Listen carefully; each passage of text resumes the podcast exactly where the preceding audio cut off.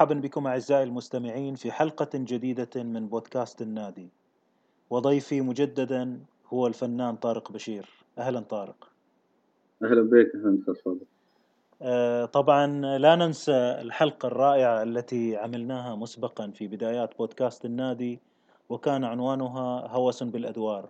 وأنت صراحة يعني جبت لنا الهوس بالأدوار. وكثير من الناس تعشقك بالأشياء التي تذوقها وتشارك تجاربك الشخصية آه، القريبة من نفسك مع الناس في القنوات وفي الواقع لما نلتقي أو لما تلتقي بالأصدقاء أينما ذهبت. وهذا شيء جميل فيك يا طارق. الله يخليك. تسلم أستاذ فاضل. آه، حلقة الهوس بالأدوار آه، قدر ما أنا استمتعت بالكلام فيها معك على قدر ما بالتالي طولنا فيها جدا لأن أنا رغاي مرات ولما بيكون عندي كذا باشن إنه أتكلم عن حاجة برغي كثير ف ألتمس العذر يعني. بالعكس هذا وقت الرغي. وليس برغي بصراحة هي تجارب وخبرات يعني تشاركها مع محبي الموضوع هذا. الله يخليك الله يخليك. والله يعني أول حاجة شكرا لك جدا وشكرا لمجهوداتك. آه، البودكاست بتاعتك الحقيقة جميلة جدا وتنتقي شخصيات آه، آه، البعض نعرفها والبعض ما بنعرفها بتسلط عليها الضوء بشكل جميل جدا. أسئلة دائما جميلة وبتخلي بتخلي الواحد يفكر ويعيد التفكير في حاجات كثيرة. فألف شكر لك مجهود عظيم صراحة. هو النادي أنت جزء منه والأصدقاء والضيوف اللي كانوا موجودين كلهم من النادي. والمستمعين أيضا معنا في النادي فهذا مكاننا جميعا. أي. أي. آه، اليوم أعزائي المستمعين راح نتكلم عن المغنى والغناء وراح نتكلم عن خبرات آه، الأستاذ طارق بشير في هذا الموضوع. وراح نبدأ بسؤال بسيط. كيف نقول عن المرء أنه يغني؟ أوكي.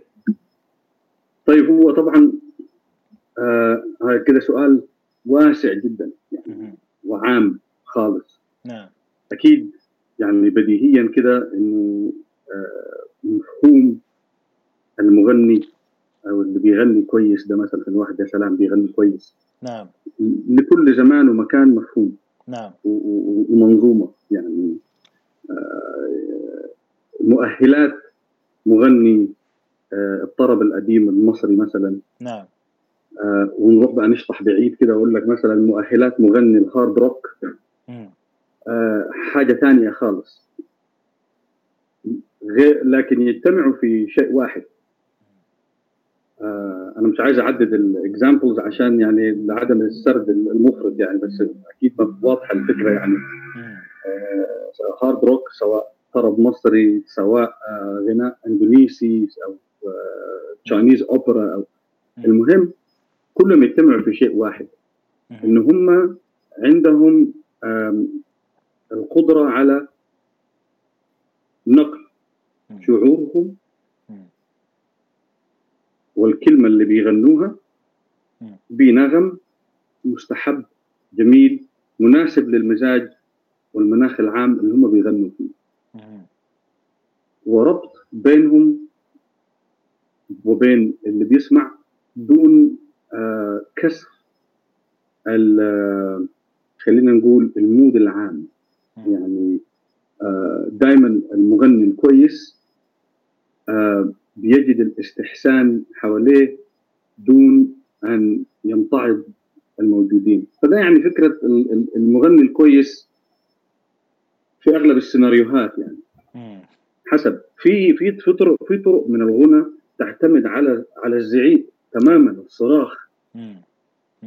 مثلا وأنا من تجربتي كواحد عايش في أوروبا هنا أنا دخلت مثلا لقيت نفسي في كونسرت بتاعه بسموه death metal مش عارف إذا مر عليك النوع ده من الموسيقى ولا لأ.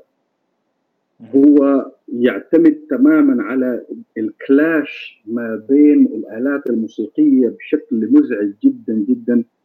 وبيعتمد على إنه إنه الآلات ال electric دي تعمل feedback على السماعات وصوت ال feedback يطلع وعليها ال distortion بتاع الجيتار وعليها مطرب ماسك الميكروفون حاطيه تقريبا في زوره وبيصرخ بكل ما عنده من قوة. نعم. ولكن أنا ببص حواليا ألاقي الناس منفعلة جدا. ونفس شكل اللي بينطرب من دور قديم. يعني هو نفس الشكل أه. نفس التعبير. العين مقفولة الرأس بتتهز. و...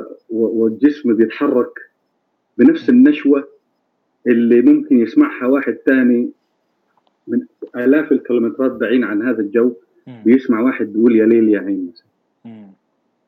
فاذا هي الحالة واحدة. ولكن لها أشكال مختلفة. بس. حلو. طيب يعني متى بنقول عن الشخص ده إنه بيغني وده آه، لا يسمع مثلا؟ بالنسبة ليك يعني. يعني ما طبعا بالنسبة لي أنا حسب. الحاجات اللي أنا بحبها يعني. لكن خلينا مثلا نمسك بقى في حتة معينة كده. إنه مثلا إيه مقاييس المغني في في في الغناء المصري بتاعنا؟ جميل. اللي بنحبه. صحيح. خلينا نقول على الأقل الغناء المصري اللي شكل الثقافة المصرية اللي تصدرت بعد كده للوطن العربي. تمام. okay من بدايات سيد درويش وعبد الوهاب وغيره حتى من actually من عبد الحمولي يعني. معروف إنه إخواننا في الشام وفي في في ليبيا وفي وفي العراق كانوا يعرفوا عبد الحمولي وغناءه ومحمد عثمان كويس. أعتقد إنه طبعا في حاجات بديهية يكون في عذوبه وحلاوة في الصوت كويسة. أنا بقول لك لازم الصوت يكون عذب تماما كده بلبلي زي عبد الوهاب كده يعني. آه ولا الناس دي لكن يكون صوت آه في كاريزما. الكاريزما في الصوت مهمة. آه آه الألفاظ مخارجها واضحة وحلوة. و يكون آه، يحاول دائما بالذات في مصر الوصول إلى السهل الممتنع. عرض الصوت بدون الاستعراض. الغناء بدون الإفراط في الغناء. وزي ما بقول لك دايما إيه leave them always wanting more. أها. نعم. يعني ما تشبع الدنيا كده يعني مش كل يا ليل يا عين لازم تطلع كده تكسر الإزاز. إيه. آه مش كل قفلة لازم يكون فيها نفس طويل. بتاع الموضوع مش استعراض الموضوع هو توصيل حاجة معينة. انت بتحاول تدور على أوتار قلب وعقل اللي قاعد قدامك ده نعم. ان يو عايز تلمسها. بس لا الموضوع هو كده بس. ويكون في هذا الخيط بينك وبين المستمع لا يقطعه شيء. إذا هو موصول طوال الوقت وانت ماسكه كده اذا ده مغني كويس. Captivating your audience زي ما بالإنجليزي يعني. ممتاز ممتاز جميل. واضحة الصورة. اذا هي قدرة على التواصل والإقناع والتشويق و آه، توصيل الرساله الموسيقية التي تغنى أو القعده بشكل عام. الوصف وبس إيه. وبسلاسة وبسلاسة ودون تعقيد يعني. تكلف. نعم جميل. ممتاز. طيب الآن آه، المغني آه، كيف بيأسس نفسه على أساس يقدر يوصل إلى آه، الشيء هذا اللي وصفته؟ والله طبعا شوف أنا يعني خليني track back شوية لأنه طبعا أنا يعني مش أكاديمي أنا موسيقي هاوي يعني لم أحترف الموسيقى يوما ما. آه كان نفسي كان بودي لكن يعني أهو هي الدنيا مشيت كده ولقيت نفسي درست هندسة واشتغل مهندس وبتاع خلاص يعني okay لكن ال passion هو هو والموسيقى في دمي ف نعم. فانا ممكن أتكلم عن تجربتي أنا ك كمطرب نعم. هاوي وموسيقي هاوي يعني. نعم. أم... بالنسبة لي أنا أه خلينا نقول كان في مرحلة قبل الوعي. ودي حاجة بتالف كل الناس يعني. إحنا ك بتحب الواحد بيحب الموسيقى من هو طفل يعني. الإنسان اللي بيحب عنده أي هواية سواء آه، في أي شيء. بيوعى على الهواية نعم. أو بيستوعب إنه هو بيهوى هذا الشيء وهو طفل. نعم. وبما إنك أنت طفل لحد التينيج جيرز فده أنا بشوف إنه ده مرحلة قبل الوعي قبل الثقافة. إلا إذا عندك الحظ وأنت عندك 10 سنين ولا 9 سنين وابتديت تتثقف نفسك تقرأ كتب معينة أو في حد بيرشد ويثقف. نعم. أنا ما كان عندي ده فكان كل ما لاحظته أنا كان يعني self study يعني. نعم. أو أو self يعني self rectification فأنا أم مرحلة قبل الوعي كان حفظ الحفظ أنا استهوتني الموسيقى القديمة. نعم. استهواني التخت ديناميكيه التخت المصري القديم ده بالذات حاجات عبد الوهاب القديمة لما تسمع مين عذبك ليلة الوداع. أيه. مش عارف إيه تشوف ال compact ensemble ده أيه. مع صوت عبد الوهاب استهواني الشكل ده. مم. بقيت أحفظ الأغاني دي. وقررت ان أحفظ الكثير نعم. تيجي بعد كده لا لازم أحفظ بدقة. بقيت أحفظ بدقة. هنا ممكن نقول برضه في نوع من التقليد عشان أكون للأمانة يعني. اي نعم. يعني إذا عندك حاجات يعني واحد زي عبد الوهاب دي صوت له شخصية واضحة جدا وله شخصية قوية جدا very charismatic صعب إنك ما تتأثر به ك نعم. كطفل أو ك teenager ما تتأثر بده فقلدت عبد الوهاب لكن كان في وعي بفكرة الدقة في الحفظ. لازم أحفظ الحاجة بدقة مم. والدقة هنا بتيجي بان أنا لازم أحفظ بالأبعاد الموسيقية. من غير ما أكون فاهم أنا بغني مقام إيه ولا أعمل إيه ولا أي حاجة. نعم. آه فدي بتهيألي يمكن المرحلة الأولى. حفظ الحفظ الحفظ الكثير في الحاجة اللي بتحبها احفظ منها. نعم. وزمني طبعا كنا بنقعد كنت بقعد أحط الشريط قدامي وأكتب الكلمات بإيدي. مم. عشان أكتبها وأنا بحفظ وأنا بسمع وارددها راجع واقفل الشريط وكان ثاني لحد ما أقتنع إن أنا حفظت الأغنية. وقيس على ده مثلا 100 غنوة بقى. من أغلب الأشكال من عبد الوهاب وعبد الحليم وشوية فريد الأطرش على شوية أم كلثوم على وهكذا وكذا الموجود حتى لحد مين آه اللي كان موجود وأنا عايش في الكويت نبيل شعيل وعبد الله الرويشد و... يعني عارف أنت ب... ب... لسه الموجود. مش لاقي نفسك إيه. فبتشوف الموجود وبتدور مم. آه بعد كده بقى مرحلة الوعي دي مرحلة مهمة ومرحلة الوعي دي آه، يمكن محتاجة ناس مرات أو على الأقل من تجربتي أنا الشخصية آه، يفتحوا لك أبواب أو يفتحوا يفتحوا لك مناطق تفكر. أول واحد كان مرحوم حسن سيد درويش مم. ابن نعم مرحوم سيد درويش. أنا رحت جمعية سيد درويش سنة 90 مم. في القاهرة وقعدت في الجمعية وكان هو موجود وأتذكر إنه واحد من اللي قاعدين قال له على فكرة الشاب ده الواد الصغير كان عنده 17 سنة مثلا.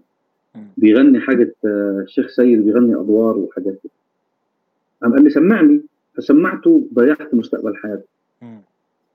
طبعا انبسط جدا إنه شاب عمره 17 سنة بيغني ضيعت مستقبل حياتي مش عارف إيه وغنيتها كويس حافظ بقى زي الشريط بتاع سيد درويش. نعم. بالضبط بالإعادات بكل حاجة يعني. بقلبة الوش. ب- كل آه آه اللي هو طب استنى عشان الوش هنا بتعيد اللازمه أيوه. ف آه، انبسط جدا. لكن سألني سؤال حقيقه خلاني ألف حوالين نفسي بعد كده أسابيع. مم. آه قال لي أنت عارف المقام إيه؟ آه، فهمت كده وبعدين جف دماغي رست ولا حاجة كده إيه. إنه سمعت الاسم ده في حتة يعني إيه. قلت له ده رست؟ قال لا يا ابني ده اسمه شوري. آه إيه ده بقى؟ كذا كذا كذا كذا أنا طبعا لا أعرف مقامات ولا أعرف عنها أي حاجة ولكن أنا راجل في المدرسة كنت بدرسونا سولفيج وبتاع وحاجات كده. ملهاش علاقة. والأغاني العربية دي بنحفظها كده standard تحفظها لا حد نعم. يقول لك ده مقام كذا ولا بتاع ولا الكلام ده. نعم. فقال لي ده اسمه مقام شوري. قلت له طيب أنا ما ما تذكرت الشوري ديت ولا؟ بس تذكرت السؤال وتذكرت آه إنه أنا ما عرفتش اجاوب على السؤال. مم. وهو قام قال لي كمان مش ما يصحش يا ابني تبقى حافظ الحاجات الكويسة دي والحاجات الحلوة دي مش عارف أنت بتغني مع مين مم. علقت مع الكلمة دي صراحة. علقت جدا. هو ده باب اتفتح نعم. ابتديت أسأل إيه المقامات ومش المقامات وبتاع الكلام بعدين جيت إنجلترا وخلينا نقول يمكن الموضوع توقف شوية لكن في راسي دائما إنه لا لازم أنا بعد كده أي أغنية أسمعها على الأقل أدور أشوف مقامها إيه يعني. وأشوف المقام ده معناه إيه وهكذا بالراحة مع نفسي كده. يجي مثلا ثاني شخصية زي آه، حبيبنا الدكتور أحمد الصالحي مثلا نعم. وده برضه جاء كده بمحض الصدفه تقابلنا وأصبحنا أصدقاء. نعم. وهو ابتدى وهو طبعا من المحترفين في فتح البيبان. الصالحي. يعني دائما حيفتح لك باب في حتة كده يخليك تفكر في حاجة. فدخلنا مرحلة الوعي. فمرحلة الوعي دي لازم تبتدي تشوف أنت عشان تكمل في هذا الشكل من الموسيقى أو في هذا الغناء. محتاج تعرف إيه محتاج تفهم إيه. يجب أن يكون في فهم للموضوع لأنه الحفظ ده لا مؤاخذه يعني للعيال. يعني. الحفظ بديهي. لكن الفهم هو المطلوب. نعم. والحفظ حيكون أسهل إذا الفهم توفر. تمام. يبقى في فهم. بالنسبة لي أنا ابتديت أفهم مقامات ومن المقامات تفهم يعني أبعاد الغناء. مهمة جدا الأبعاد. إحنا أبعاد الغناء يعني طريق أساليب يعني الأبعاد المستعملة في المقامات من 100 سنة. مش هي نفسها دلوقتي. وهل ممكن نقسم البلد نصين؟ آه، بحيث إنه ما يبقاش غريبين على الأذان الحالية contemporary وهكذا. نعم. آه، يكون في فهم للأساليب المختلفة للناس اللي بتغني. إنه محمد عبد الوهاب له أسلوب آه، سيد درويش له أسلوب أم كلثوم لها أسلوب زكريا أحمد له أسلوب. سواء في التلحين أو في الغناء تسمع كده وتستقطب إنه لا اللحن ده يشبه زكريا أو يشبه عبد الوهاب أو يشبه. ودي مرحلة الوعي دي بقى يثقلها بقى أو يثقلها يعني بقى آه، قراءة وسمع وسمع يعني مش عارف الكلمة إيه بالعربي لكن هو تارجتد يعني أنت يتارجت حاجات معينة تسمعها عشان آه، تثبت معلومة معينة في في راسك أنت عايز تدور عليها. ومرحلة الوعي دي بتهيألي لا تنتهي. تنتهي بنهاية الحياة أنا رأيي. نعم. اذا في استهداف لماذا لما تسمع يعني ولما تفهم ولما تستوعب أو تؤدي. لازم في استهداف. لازم لازم. إذا اذا, إذا مش عشوائي و... و... لا لا يعني العشوائي آه يعني you will be exposed. يعني عاجلا أم اجلا you will be exposed. يعني ال lack of knowledge اللي حتبقى عندك will be exposed. يعني حتوصل لحتة معينة و... آه تتفضح. وتتفضح. أكيد.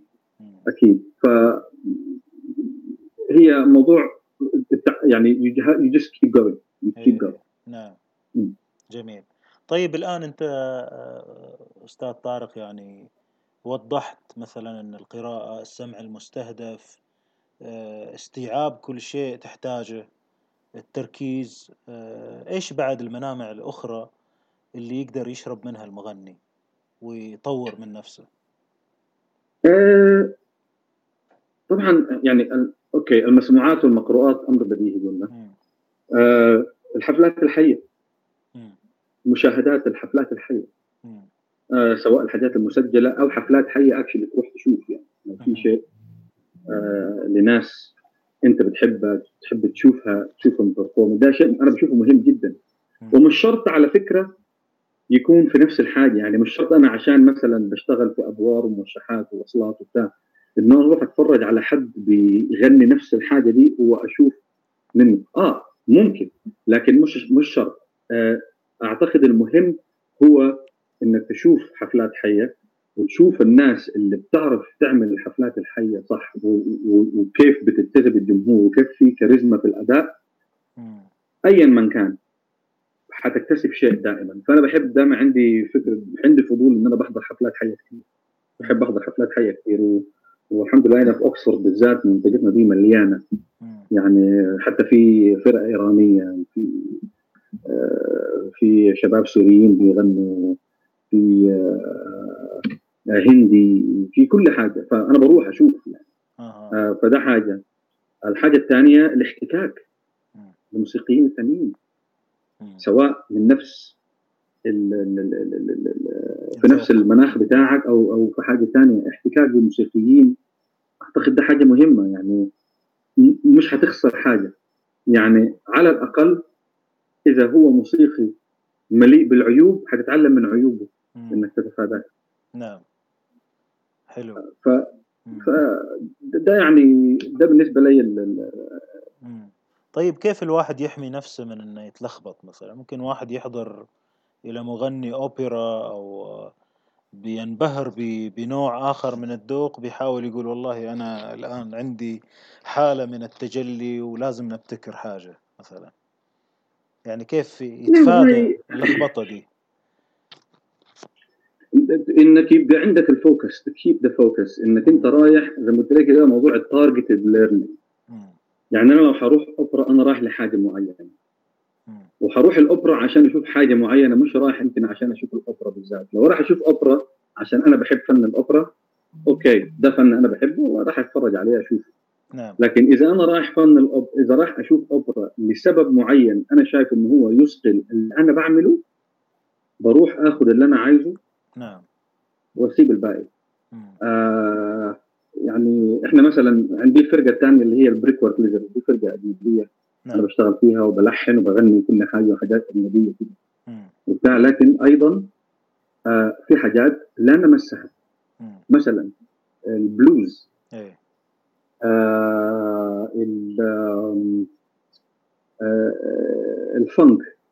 دي حاجات specialized جدا. محتاجة دراسة عميقة ومحتاجه يعني culture real cultural understanding يعني. ولو يجي واحد زي حالاتي فاكر نفسه يعني عشان البلوز مبني على ثلاث أربع chordات معناها هتعرف تغني بلوز وبتاع. وهتروح حاطط في أول الـ lyric I woke up this morning تيرد تيرد بقيت كده بلوز. إيه. فكده بيسموه cultural appropriation مش إيه. آه يعني مش مستوعب مش يعني. مش مش مش exactly لكن أنا مثلا باخذ من البلوز. باخذ من البلوز حاجات باخذ من البلوز ملاحظات. أنا بشوف إن البلوز يمكن أقرب حاجة لغنانا الريفي في مصر مثلا.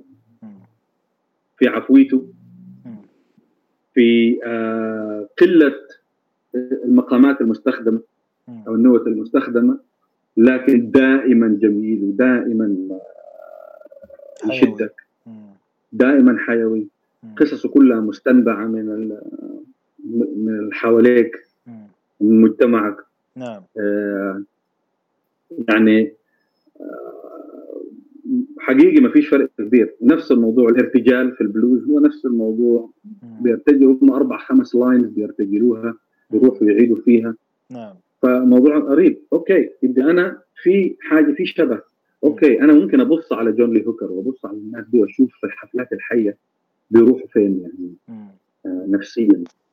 نعم. آه ممكن الواحد يتعلم من الحاجات جميل جميل واضحة.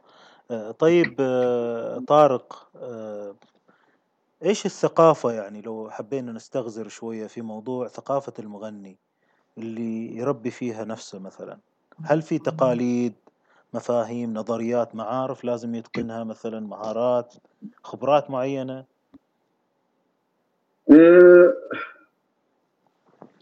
طبعا حسب اللون اللي حيغنيه لكن برضه خليني أقول في اللون اللي هو بتاعنا اللي هو في مصر يعني. وطرقنا عليه قبل شوية الفهم قبل الحفظ. في مرحلة الوعي يعني. في الأول طبعا احفظ. وأنت تينيجر احفظ احفظ احفظ احفظ. احفظ وغني احفظ وغني ومارس ومارس ومارس نعم.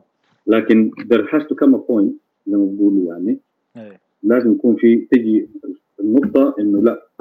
إذا هتعمل الموضوع ده بإخلاص إذا يجب أن يكون هناك وعي. نعم. فهنا يكون في فهم. آه لازم يكون في إتقان. لكن الإتقان والدقة ما هو أنت لو مش فاهم مش هتعرف فين معايير الإتقان نعم. والدقة. فإذا لازم الفهم. آم، بشوف إنه آه، الهدوء النفسي مهم. شيء مهم جدا بالنسبة لي أنا. it took me a long time. الهدوء النفسي آه في في البرفورمانس نفسه لازم يكون في كده هدوء واستقرار نفسي وانت بتؤدي الشيء. آه بمعنى أيوه you can challenge yourself وانت بتغني. You can challenge yourself إنك تفتح boundaries لكن أيضا لازم تكون آه في سلام تام مع حدودك. يعني كل واحد يعرف لازم تعرف حدودك. كل واحد يعرف حدوده فين. نعم نعم. ويشتغل مع هذه الحدود ويزقها بالراحة بدون أن يغام بدون مغامرات ليس لها داعي. فيكون في المنطق ده موجود أثناء الشغل ده. في حاجات مثلا أنا ما بقدر أغني. خلاص. ما بزعل من نفسي وأقول إنه إزاي أنا مش قادر أغني الحاجات دي. لا لازم أغني كل حاجة وأنا بقدر أغني كل حاجة. لا في حاجات لا قدرة لي على غنائها وفي حاجات لا تستهويني مهما كان ملحنها ولا مين ولا ما أعظمها ولا مثلا يعني. ف again لازم يكون في you need to be كده زي ما بيقولوا at peace مع الحاجة اللي أنت بتتعامل معاها. تختار شيء حلو بتحبه يناسبك تناسبه within الـ parameters بتاعتك. واستعمله ك catalyst يوديك للحاجة الأحسن والأكبر واكبر لأنك أنت دائما بتشتغل وتتطور. صحيح. جميل. طيب لو توقفنا عند نقطة آه، معايير الإتقان يعني دي أكيد بتحتاج جهد من من المغني إنه بيشتغل على حاجة. من وين بيتعلم الأشياء دي؟ اللي حتنوره على الإتقان وعلى الدقة. أولا السمع الكثير. م. يعني اسمع تسمع تسمع تسمع تسمع من أنت مقتنع بهم إنهم متقنين الممارسة أيضا والممارسة وعدم الرضا بإنه أوكي والله عملتها كذا تمام خلاص. إنك تكون أنت أكبر ناقد لنفسك يعني. أكبر ناقد قبل ما الناس الثانية تنقدك نعم. أعتقد أوحش حاجة في الفنان النرجسية يعني. يعني خاصية وحشة جدا. وأعتقد إن هي تؤدي إلى شيء واحد بس. إنه يحصل خلل في الموضوع. you start thinking إن أنت كل ما بتحطه في إيدك بيتحول إلى ذهب و... إيه. وطريقه دي في التفكير overconfidence إيه. آه، ف... ف... فأنا إذا بحاول أتقن حاجة أنا عارف مثلا أنا عايز اتقن فن الموال. لازم أشوف وأسمع كل من غنى الموال وأشوف مين بالنسبة لي أحسنهم وأسمع له أكثر وأكثر وأشوف هو بيقول إيه. آه في حاجات ثانية مثلا أنا بعملها زي آه بجيب موال. عارف إنه مسجل؟ إيه. نعم. نعم. لكن أنا مش عارف لحن مش سامع مش سامعه. ببص على النص. وأروح مغنيه في راسي بالشكل اللي أنا أشوف إنه آه شكله حيطلع كده. من حكم ما سمعت وغنيت مواويل. نعم. وأقوم أفتح بعد كده مثلا اخدم نسخه ولا بتاع هذا الموال وأشوف دائما في مفاجآت. ودائما أنا اي كم اب شورت من إيه. الأداء. بتاع المنيلاوي ولا الصفي ولا بتاع بيعمل حاجات أقول اخ فكل واحدة من دول بت ب فيلز ان جاب نعم. في جاب معينة أنا بحاول كل مرة أقرب ل لو أنا الصفتي ولا أنا المنيلاوي مثلا ولا بتاع وده للتعليم مش عشان أنا عايزه أبقى زي أغني زي المنيلاوي ولا زي الصفتي لا عشان أنا أتعلم نعم. من دول كيف الموضوع ماشي يعني. وده بديل عن إنه واحد يفتح كتاب ويشوف مثلا وصف إزاي تعمل الموال مثلا أو آه، المقام ده لازم يمشي بالطريقة الفلانية أو التفاعيل الفلانية في الموال لازم تكون بالشكل الفلاني مثل ما قيل وقيل لأن هذه ملاحظات شخص ممكن نستفيد منها. لكن اللي أنت بتعمله ده يعني أنت بتحط نفسك في اختبار. وبتتعلم بقوة مش بتتعلم بشكل تلقائي أو تلقيني. أنت الآن بتتصادم مع مشكلة أنت خلقتها وتتعلم منها. بالضبط. بالضبط. آه بعمل نفس الحركة في الأدوار. آه أدوار ما أعرفهاش. أنا حاليا ولي مثلا سنة وشوية شغال بالشكل ده يعني إنه مثلا فتحت باب فتحت المغنى المصري. بتصفح بدور على حاجة معينة. بيجي مر علي دور مش سامعه. حلو.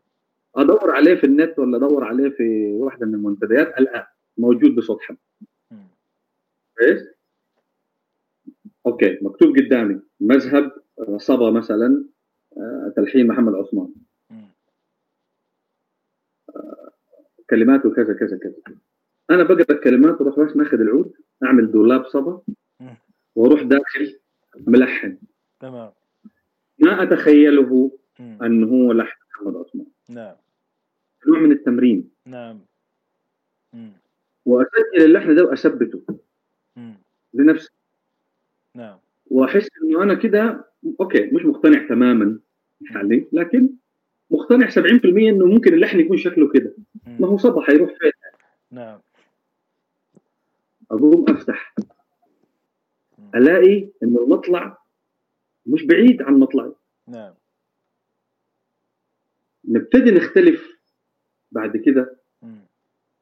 وده الفرق يعني اللي هو طبعا فرق يعني يسموه إيه فرق مجرات مثلا ما بيني وبين واحد زي محمد عثمان.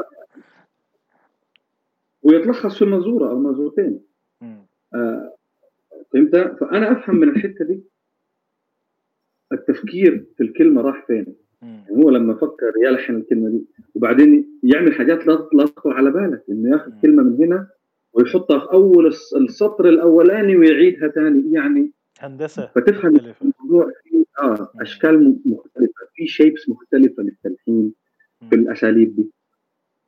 هل أنا عندي مثلا ambition إن أنا في يوم من الأيام ألحن أدوار؟ maybe لكن for the time being أنا ما بفكرش كده. All I'm thinking at the moment أنا عايز أفهم الألحان دي بتيجي منين؟ بتيجي إزاي؟ ولما كان بيقعد زمان كده يحط شمعة ويحط قدامه نص كده يمسك عود ولا بتاع ويبتدي يدندن في الدور. كيف بي بيروح فين و... يعني تعيش التجربة يعني. كيف وصلوا للالحان اللي عاشت دي يعني جميل والله شيء جميل جدا يا طارق. طيب يعني هل من الضروري إن المغني مثلا ونحن نتكلم على الأغلب عن المغني اليوم إنه ينتمي إلى مجتمع موسيقي؟ والله أعتقد إنه مهم جدا جدا. بالنسبة لي يعني يعني بالنسبة لنا اولا في يعني اللي هو اجين مش عارف الاسم إيه بالعربي لكن الكولكتيف نولج المعرفه الجماعيه ينفع اللي هي المعرفة الجمعيه المعرفه الجمعيه ده شيء مهم لأن في الآخر مش كل واحد بيعرف كل حاجة. آه وممكن زي ما يعني أوكي. دلوقتي خلينا نقول إنه أنا وأنت وأحمد الصالح وصلاح علام وطارق عبد الله ومصطفى سعيد ومحمد عنتر وغيرهم كثير يعني بدون ما, ما يعني أنسى أسامي. ناس كثير بنعرفهم أنا وأنت. بيحبوا نفس بيصبوا في نفس المكان وبيحبوا نفس الحاجة يعني. رغم انه كل واحد في سكة يعني كل واحد بيشتغل في طريق لكن إحنا تقريبا مجتمع إلى حد ما. نعم. وهذا بمختلف زواياه يعني. كل واحد يمكن يهتم بشيء معين لكن في الآخر كلنا مشتركين في حاجة وبنتعلم حاجات من بعض. نعم. وبعدين التشجيع إنه تشجع بعض. يعني الإنسان اللي فاهم إنه اللي, اللي قدامه بيشتغل صح بيشجعه وفايس فيرسا نعم. آه وبعد والثقة كمان إنك أنت مش لوحدك. نعم. في الموضوع يعني أنت ليس أنت مش شاذ عن القاعدة تماما لا. أنت زيك في ناس كتير آه ماشيين في, في في نفس السكة بتاعتك دي. و يعني أنا أنا أنا بالنسبة لي يمكن لو ما كانش فيه نوع من الانتماء للمجتمعات دي يمكن أقول لك على 2006 2007 لو ما احتكيتش بالصالحي ودخلت على زمان الوصل وسماعي dot net والحاجات دي وبتاع وقلت الله ده أنا مش لوحدي بقى. أنا كان عندي قناعة إنه أنا يعني I'm stuck in the past وبلعب في حاجة أرشيفية وإنه أنا يعني أغلب الناس اللي ممكن يحبوا الموسيقى اللي بغنيها دي ماتوا. و... وكان غالبا تفكيري ماشي لفكرة إنه أنا ح... ممكن يعني أمشي أكثر في الموسيقى الغربية. حقيقي. نعم. لغاية ما لغاية ما ظهرت على الناس دي. الاستاذ محمد حسان الله يرحمه. المخرج والكاتب العظيم. صديق عزيز كان الله يرحمه اللي هو منتدى أمل المصري نعم. برضه من الناس حضنوني في يعني 2007 2008 وتعرفت عليهم. ورحت قعدت معاه يعني ساعات طويلة نتسامر ونتكلم في الحاجات دي. كنت مفاجئ انه يعني في ناس لسه بتحب الحاجات دي يعني. أنا بتذكر لما عبد الوهاب مات ورحت أنا رحت عزيت في عبد الوهاب يعني. أها. العزاء دخلت وقعدت آه وقعدت وشربت القهوة وعزيت وكل حاجة. بتذكر بعديها كده كنوع من الانفعال أنا شاب صغير عندي 18 سنة. يعني رحت على كشك وقلت له عايز عندك شرايط عبد الوهاب؟ وكان رد بتاع الكشك عليا. عبد الوهاب محمد عبد الوهاب؟ قلت له آه محمد عبد الوهاب. عندك ليه شرايط؟ قال لي تعيش أنت عبد الوهاب مات. بتاخد عمرو دياب ولا حاجة كده. إيه. آه والله. والله عجيب. يعني مم. آه فطبعا أنا أعتقد إنه ده شيء يعني الانتماء. وأنا بنتمي هنا لكذا مجتمع على فكرة. يعني مثلا أقول لك إن أنا بنتمي هنا المجتمع بتاع آه، الناس اللي بيشتغلوا في الجراموفونات في إنجلترا. نعم. اتعرفت عليهم ونتكلم بالتليفون وحاجات كده وبتاع. وإن شاء الله الأسبوع الجاي رايح لواحد فيهم نتقابل ونقعد حيصلح جراموفون قدامي تمام. عشان أفهم الفكرة وبتاع يعني. فده مجتمع. في بريطانيا. في بريطانيا. فده مجتمع. يعني في المجتمع بال Lute Society مثلا. تعرفت على صانع بتاع lutes هنا و...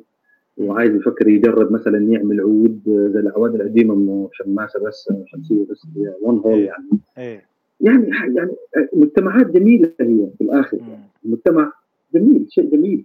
آه بيضيف مم. أكيد ما فيش. مش ما فيش نعم ما في شيء جميل طيب هل لازم نختار طريق محدد على أساس نتقدم ونتطور ونتميز ولا عادي إن إحنا نحب أكثر من لون ونشتغل فيهم من البداية كذا كلهم على بعض؟ لا هو مش الطريق. اتلي شوف هو آه، يكون في طريق محدد لل- للتعلم. آه أوكي. منهجية بتاعتك أنت الشخصية للتعلم. حلو. دي تكون دي.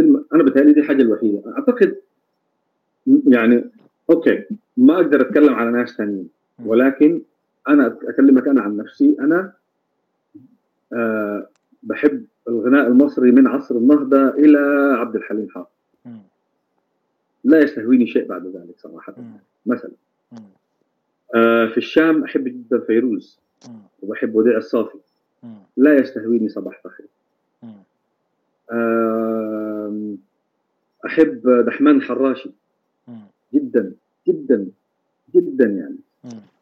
آه بعد كده في الأجنبي أنا بسمع بحب The Doors.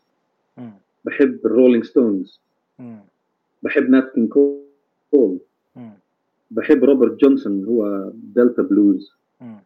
آه بحب آه بيل مونرو في ال country music بحب آه مايكل جاكسون ستيفي وندر.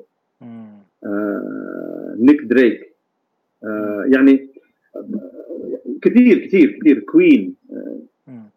وبحب انه كل الانواع بحب الروك وبحب البلوز وبحب الجاز في اشكال معينة. بحب الديسكو جدا بحب الديسكو جدا. الديسكو اللي هو 70 disco إيه يعني. إيه إيه.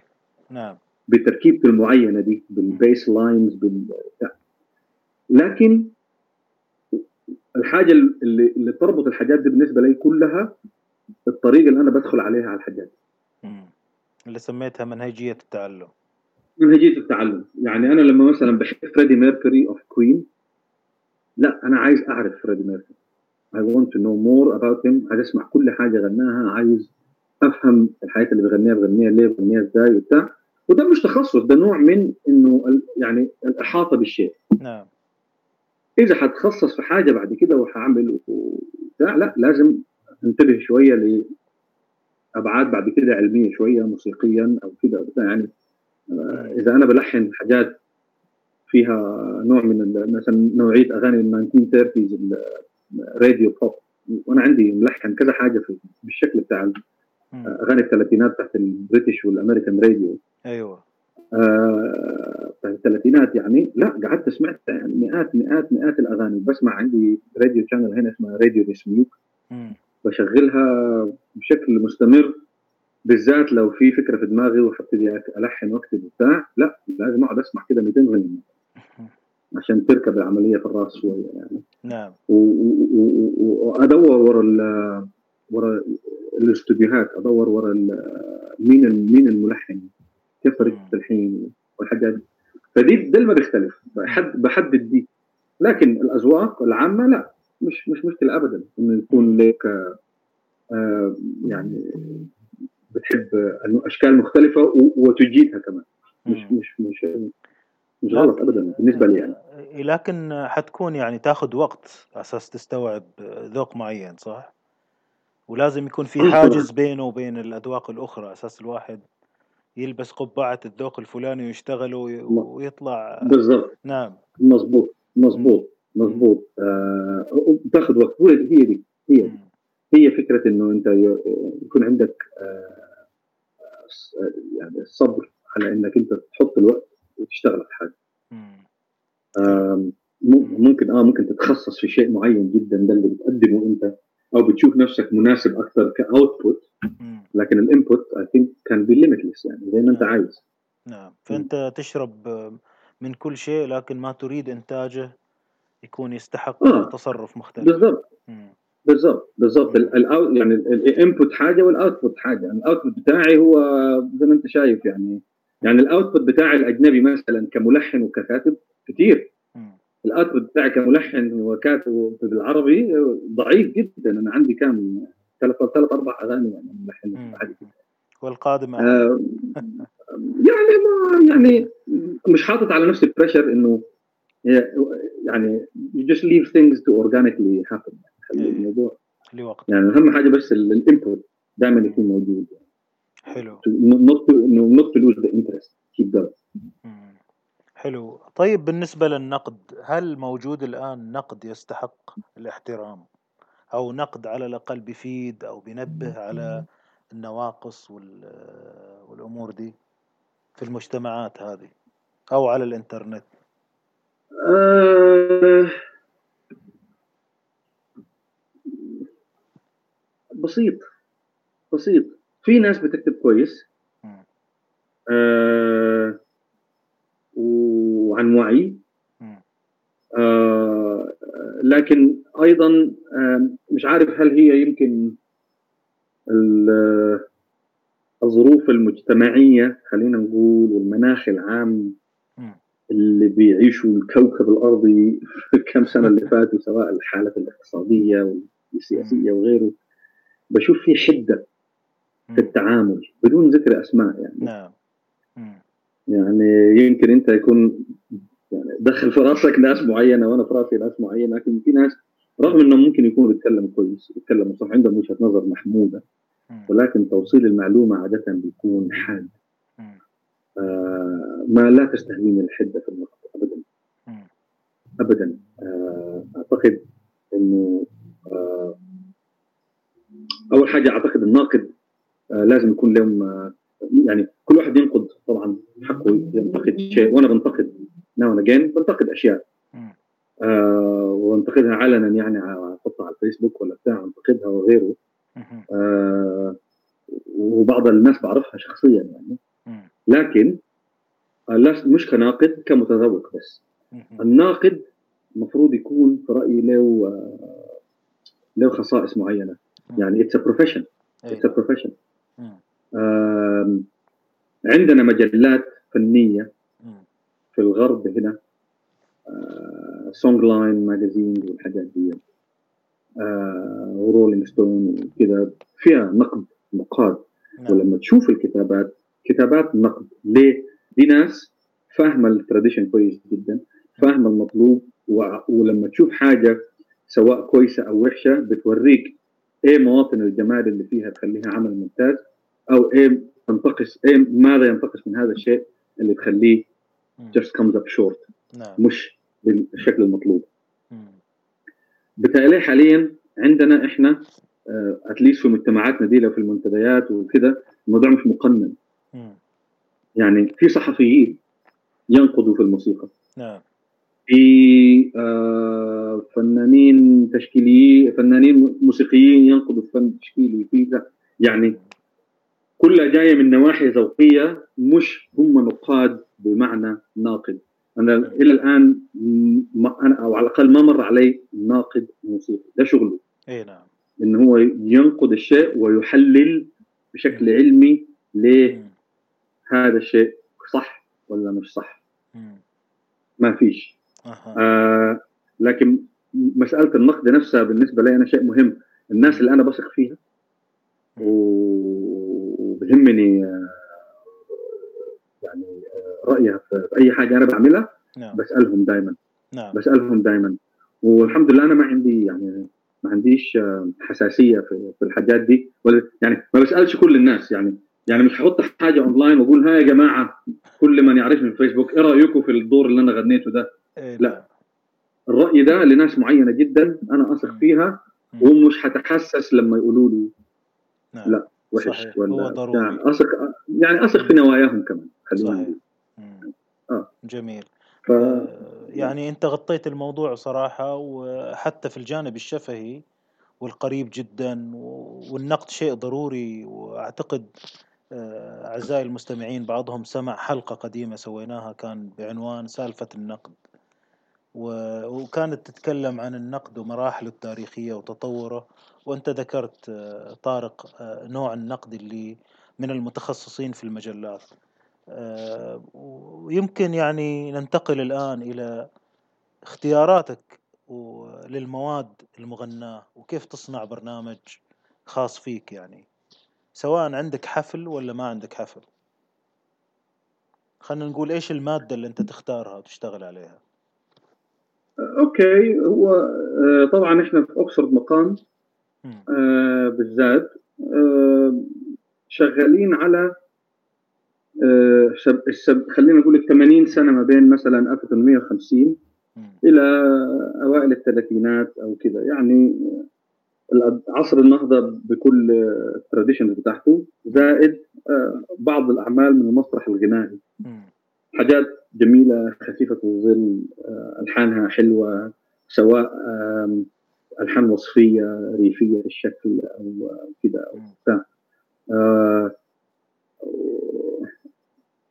ممكن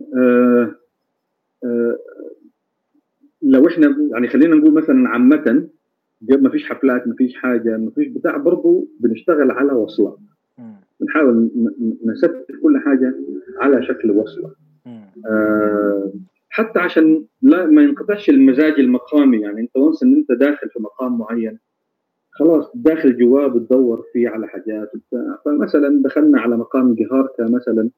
يعني أقول لك مثلا حاليا بشتغل على مقام جهاركا. طيب قبل ما نبتدي نحفظ أي حاجة ولا بتاع عايزين نفهم المقام. نعم. نفهم أبعاده ونفهم الحاجات المقام مقام خسيس. يعني وبالشكل المصري يمكن يختلف شوية عن الشكل الشامي يختلف شوية في العراق يختلف. واخد بالك؟ آه. آه إحنا بندور على الشكل المصري. وانه إحنا كمان محددين نفسنا. في أغلب الأحيان ال output بتاعنا في وقت المقام repertoire مصري. إلا إذا يعني انطلب في حاجة معينة مناسبات معينة جدا عايزين حاجة معينة. زي ما عملنا في البي بي سي من كم سنة عملنا حاجة عراقي وأحمد صافي غنى يمني وغيره يعني. لكن قطع تركيه مدمجة وهكذا. ما هي المقطوعات التركية طبعا بنعزفها معربه للشكل العربي in keeping with ال tradition بتاعت الوصلات زي ما كانوا أجدادنا بياخذوا الحاجات التركية دي ويعربوها. آه ونغني ونغني أو بنعزف الشكل المعرب. يعني آه، لأنه في فكر. في فكر. يعني الترجمة دي على فكرة فيها فكر لأنه طبعا أنا بسمع 100% لازم أسمع الشكل التركي وكذا version. إيه. الشكل التركي والشكل العراقي كمان.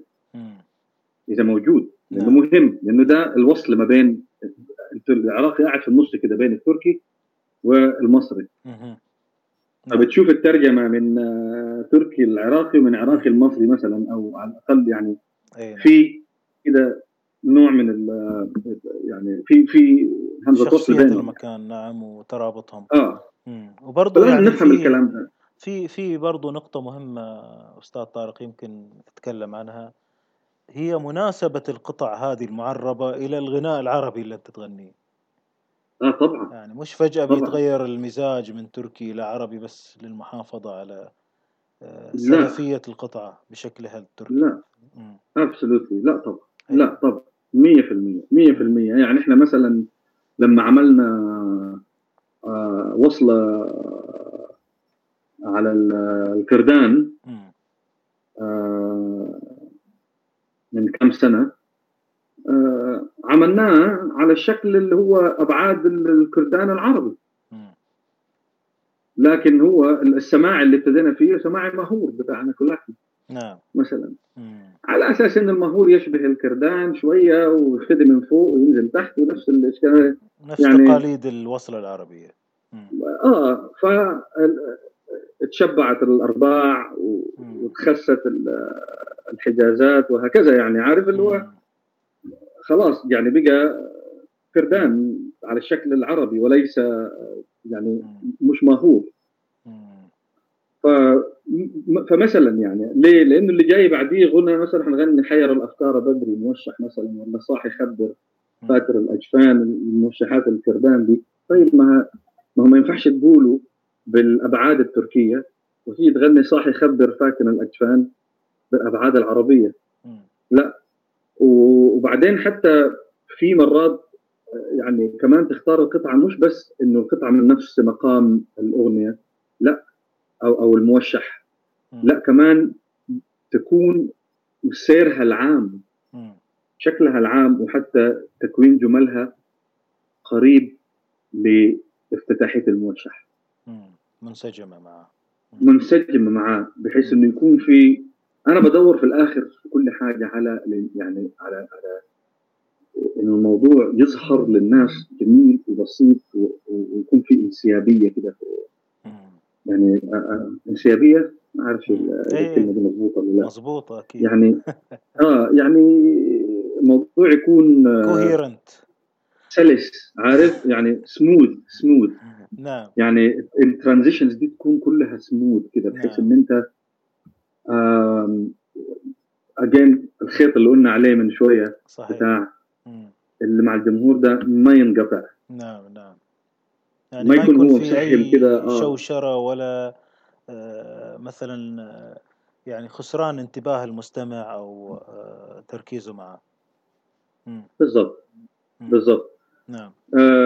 فإحنا كنا ف... نتكلم عن الفهم الجهركة. آه استيعابه فهمناه بنحاول نفهمه كويس. وبعدين ناخذ مثلا نشوف عندنا إيه في الجهاركة ممكن نقوله. فعندنا مثلا ال ال يعني اتليست القطعة اللي استهوتنا إحنا اللي هو مثلا اللي هو الأسبار الردبار بتاع البشرف القديم ده اللي عامل زي التحميلة ده. نعم. آه عجبنا ده. وبعدين نشوف بقى موشحات إيه. تنفع معاه نبتدي نشتغل على الموشحات نبتدي نشتغل عليها كابعاد نبتدي نشتغل على الإيقاعات بتاعتها. وكله بيصب في الآخر في التعليم يعني. آه عشان أنا أقعد أتعلم إيقاع الفاخت وبتاع. يعني جانا موشح فاخت لا. في موشحين ثاني مثلا إيقاع سماعي. بس بصراحة الموشح اللي على ال 20 4 ده جميل. طيب أهرب بقى من ال 20 4 عشان أحفظ موشح على سماعي وخلاص. ولا أقعد أنتهزها فرصة وأفهم ال 20 4 وبكرة إنك كسبت إيقاع جديد. لا أقعد أفهم ال 20 4 مكسب. مكسب. وعادة بيحصل كولكتيفلي يعني بنقعد كده كولكتيفلي وي ورك بيجي الرقاق أنا خلاص على فكرة مسكت الإيقاع الفاخر ده. سمعني.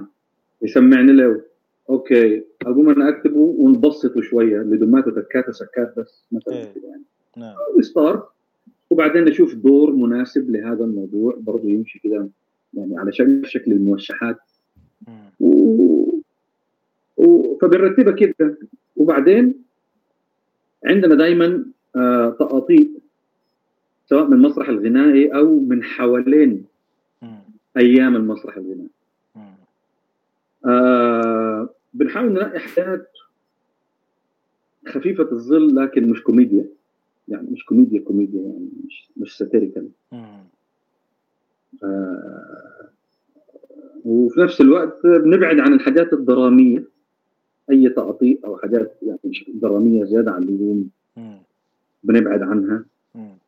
آه بنشوف تقاطيع تناسب آه الأداء اللي إحنا بنأديه يعني آه يارا لها أسلوب معين في الأداء. ما أعتقدش إن مثلا هي ممكن يعني تحب أو تستهوي إنها تغني حاجات زي طريقه إمام باقي مثلا في الأداء. مم. إمام باقي لها طريقة أداء مميزة جدا. نعم. لما تغني التقاطيع بتاعت رتيبه أحمد والحاجات دي ليها طريقة أداء مميزة جدا. مم. فهي متميزة في الشكل ده. مم. يارا شكل مختلف مثلا كمغنية ف اجين بننقي حاجات تناسب آه، صوتها سواء لمنيره سواء لفتحية سواء فتحية أحمد يعني. أو أو, أو غيره وتكون حاجات فيها آه، زي الاشكال الريفية جميلة. أو مرات بنعيد مثلا حاجات آه، ما بيقولوا إيه ممكن إعادة إنتاجها بشكل مختلف شوية. آه، زي مثلا على بلد المحبوب. نعم. بتاعت على بلد المحبوب والدين نعم. هذه ممكن تعزفها بأوركسترا وتعملها كده زي الدخلة بتاعت رياض السنباطي دي بالترين ولا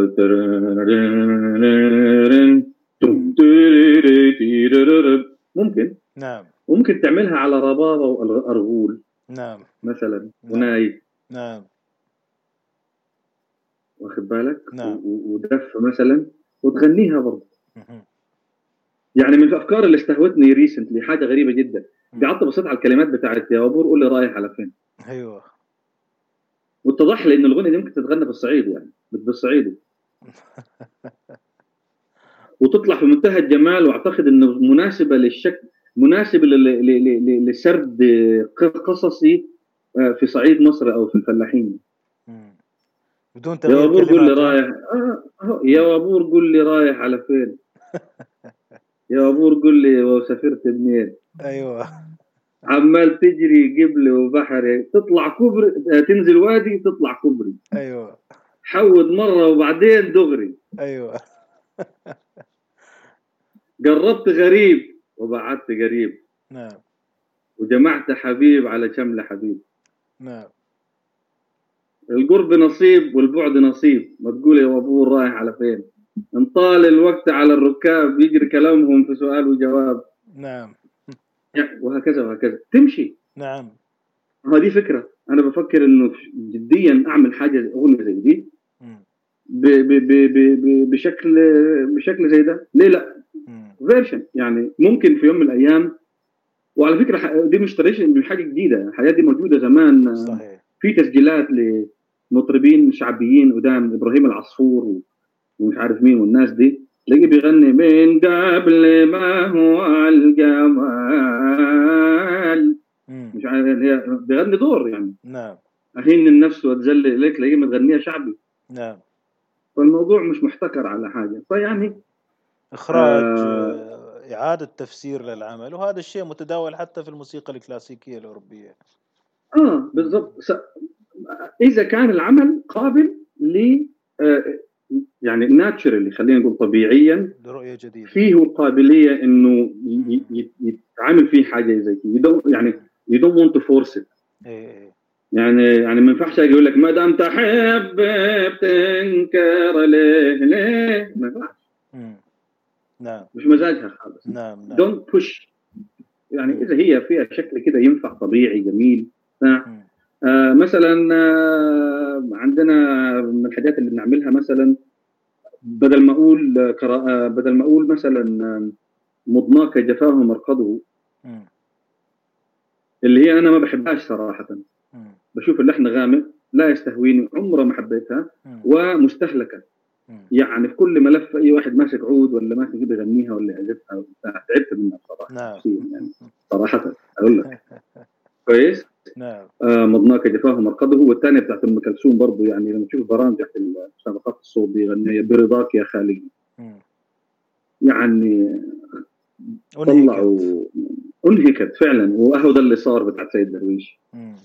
يعني المهم آه بدل ما أغني آه مدماغي جفاه مرقده يستهويني أكثر كروان الفن وبلبله.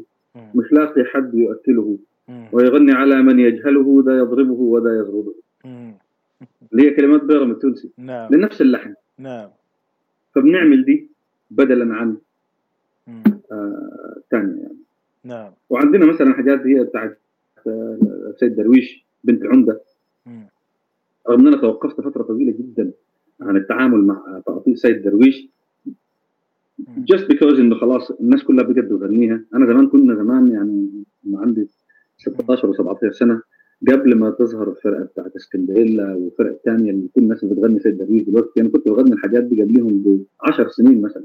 نعم. لكن خلاص زي ما بيقولوا السوق فلودد بالحاجات دي. أيه. فلا معنى إنه أنا أرجع أغني شد الحزام على وسطك ولا الكترة ولا بتاع ولا كده.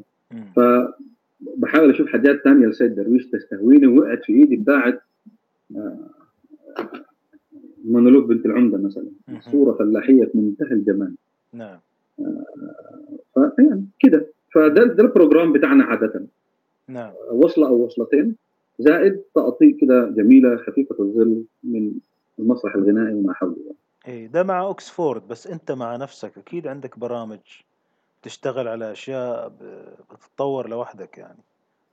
آه أنا مع نفسي آه يعني كل كل فترة في حاجة. يعني كل فترة كده بمسك شيء معين يعني. آه ومش شرط كله عربي يعني.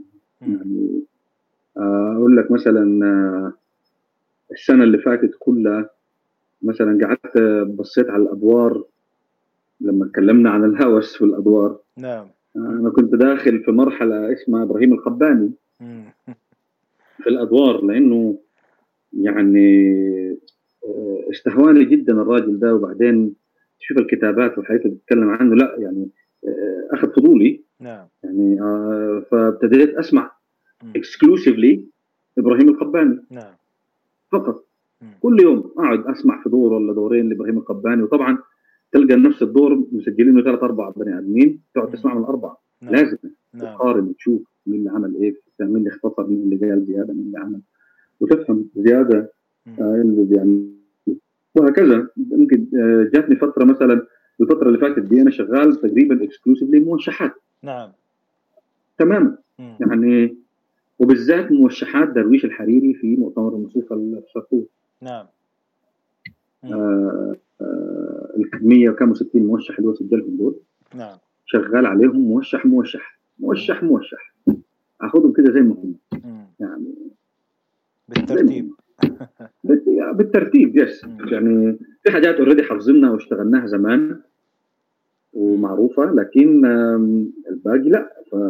فشغال على القصة دي ومن ومعاها بتشوف آه تتعلم الإيقاعات بتشوف بعد كده مثلا آه آه الأبعاد في في الغنى بتاع المقامات رغم طبعا يعني الحريري شوية مرب شوية سيء يعني لكن يعني صوته شوية مش مقبول لكن مع التعود الواحد بيتعود على صوته. ولكن أبعاده سليمة. هو أستاذ. أنا رايي أبعاده سليمة. معلم. هو أستاذ. آه هو معلم. فأبعاده سليمة وبعدين اكشلي في ناس وراه في اثنين ثلاثة وراه كده عظيمين صراحة. طبعا ما أعرفش هم مين ولا نعرف هم مين. خالص لكن عظيمين أنا في رأيي وبيغنوا زيه واحسن وحافظين يعني حافظين كويس جدا.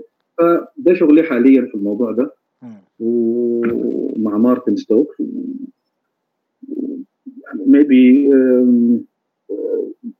الشهرين اللي فاتوا دول كنت بتكلم معاك قبل التسجيل. فريد الأطرش دخلت فيه ب... عايز أفهمه عايز أشوف عنده إيه. ولقيت على فكرة لقيت حاجات يعني آه لي آه ختم الصبر بعدنا بالتلاقي سمعت نعم. الأغنية دي؟ نعم. نعم. غريبة الشكل وغريبة الإيقاع. يعني عاملها على إيقاع الدور الهندي. لكن داخل الدخلة قبل الدوم يعني مصعب الموضوع على نفسه وعلينا بطريقة غير عادية يعني. نعم. آه مثلا يعني آه أغاني القديمة فيها أبعاد يعني يكثر الكلام عن فريد الأطرش لكن عموما أنا حاليا بحاول افهمه وادرسه واستكشفه وكذا وأشوف. من الأول خالص من الأول خالص بدور كذا على أوائل تسجيلاته and go chronologically.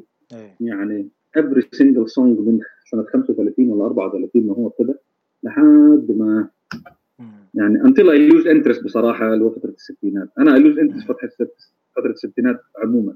مش فريد الاطرش بس فريد نعم. الأطرش وعبد الحليم وكله كله لا ما يعني ماليش فيها. نعم. تسلم. طيب على كده أنت ما عندك شعور بالغربة؟ ولا في غربة في هذا الزمن؟ يعني في في أكثر من غربة بصراحة يعني الغربة العامة وغربة الفنان الغير متفرغ غربة المغني أو الفنان اللي خارج السرب وخارج التيار. والله آه يعني فكرة الغربة وأنا لي دلوقتي هنا almost 30 سنة. مش غربة آه ولو إنه يعني خلينا نقول يمكن لحد 12 13 سنة فاتوا كان في غربة في فعلا. يعني كنت لوحدي خالص مش مشترك كده في أي شيء ولا عندي أي نشاط فني في أي حاجة. لكن الحمد لله كده بالصدف وبالمعارف بتاعي تعرفت على مارك ستوكس وتعرفت على أحمد الصالحي وتعرفت على ناس كثير جدا يعني. آه وعليك طبعا. وناس كثير فده بيحيي وبعدين مع التواصل كده عبر المنتديات الاجتماعية ديت وغيره يعني الواحد متواجد ومتواصل فما فيش غربة من الناحية دي يعني. يعني ما فيش غربة في حاجة زي كده. الموضوع خارج التيار أنا طول عمري خارج التيار. يعني, يعني فده العادي. نعم. ده العادي. ولكن أعتقد إنه ظهور و really يعني اي كانت اندر استيميت اللي حصل في الكام سنة اللي فاتوا دول. أعتقد حيغيروا اتجاهات كثيرة جدا في الموسيقى الشرقية. I think in my opinion يعني generations نعم. الجاية. hopefully hopefully نعم. ظهور كمية التسجيلات والكتب آه القديمة المتاحة دلوقتي بشكل يعني غير عادي اونلاين نعم. لكل من هو حابب يشوف الكلام ده ويتعلم ويفهم بتاع آه خلى في آه new generation مطلعين على الحاجات دي بيشوفوها وابتدوا يدخلوا عليها ابتدوا يشوفوا الحاجات دي ف إذا كنت أنا من 30 سنة أه بغني الناس يقول لي أنت سمعت الحاجات دي فين؟ أقول له سمعتها بصوت سيد درويش، إيه ده؟ هو سيد درويش ده سجل أغاني؟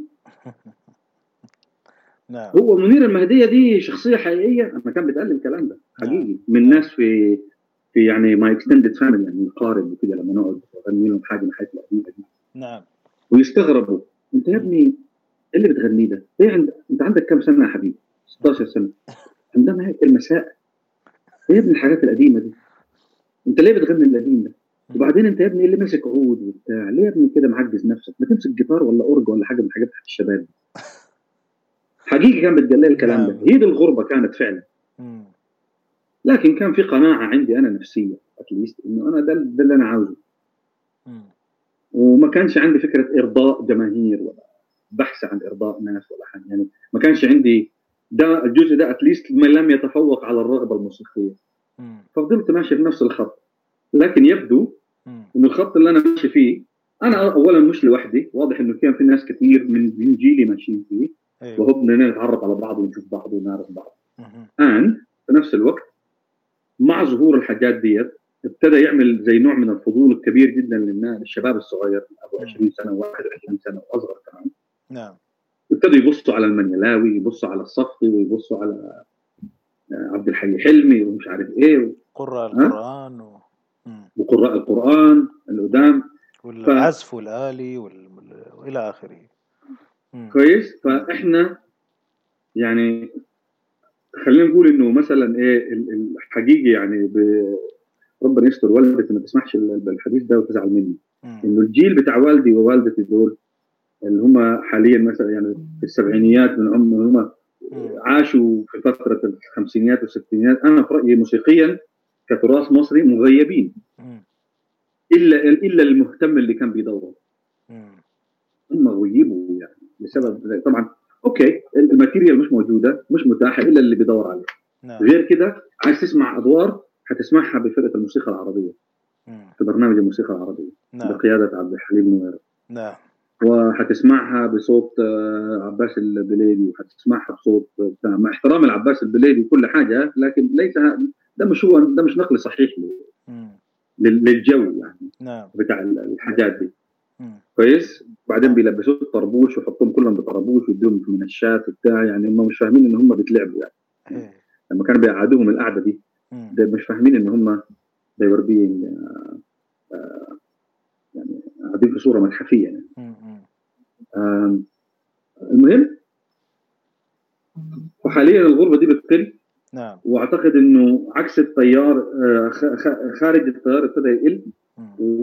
وأنا شايف حتى في مصر دلوقتي إنه ال pop stars are struggling ال pop stars ال mainstream أيوه. اللي هو تامر حسني ومش عارف مين وعمرو مين وعمرو فلان هم كلهم عمرو فلان وعمرو فلان أنا بتذكرش عمرو دياب طبعا لكن الباقيين ما أعرفش. المهم يعني أيوة. دول الشريحة دي أنا في رأيي ده our struggle نعم الناس الشباب بيدوروا على حاجة ثانية ففي polarization يا إما عايزين مهرجانات وده برضه خارج التيار clearly نعم. وفي الناس اللي عايزة الحاجات اللي هي ال contemporary اللي هي القديمة ديت يا إما سيد درويش وشيخ إمام والشكل اللي هو شكله شكله يساري شوية كده في إيه، إيه، إيه. الحاجات اليسارية دي. أو في الحاجات القديمة بقى اللي هنخش بقى موشحات وطرب قديم وحاجات كده وبتاع. وأصبح الشكلين دول هم ال more appealing للشباب أنا في رأيي عن آه ال mainstream فابتدى الشكل يتغير. أنا I think إنه ظهور المواد دي اونلاين بشكل مكثف عامل فرق كبير جدا كبير جدا. حتى مواقع ال social media الآن بدأ انتشار الأشياء اللي فيها شيء من الصعوبة مقارنة بال mainstream والاشياء البوب والميوعه يعني كثير من الناس يتداول تسجيلات قصيرة في إنستغرام مثلا فيديو أو على الفيس أو على أي قنوات على هواتفهم. آه، بيستمتعوا بأشياء كده يقول لك اسمع دي أول مرة نسمع فيها. يعني قاعد يتسرب الشيء هذا إلى ال social إيه. ميديا بشكل عجيب صراحة. آه وبعدين آه إذا متعودين نسمع مثلا الموال من عبد الوهاب وشوية كده من ارتجالات أم كلثوم اللي كانت بتعملها في حفلاتها على مثلا كم موال من المواويل اللي هي ذات الشكل الشعبي شوية محمد رشدي ولا ولا كده. لما يجي يسمع موال بصوت المنيلاوي ولا بصوت الصفي ولا بصوت عبد الحي حلمي بيتخضوا مش عشان ده أحسن بكثير ولا بتاع ولا حاجة تقدم بس فجأة ظهر عليه حاجة هو ودنه مش واخده عليها. هو حاببها ومش عارف ليه بيحبها لسه. هو حب اللي سمعه ده. نعم. وشافوا حاجة جديدة وحباها كده. لا doesn't still هو لسه مش عارف ليه. نعم. لكن هيعرف. اللي بيدور يعرف بعد كده. صحيح. صحيح.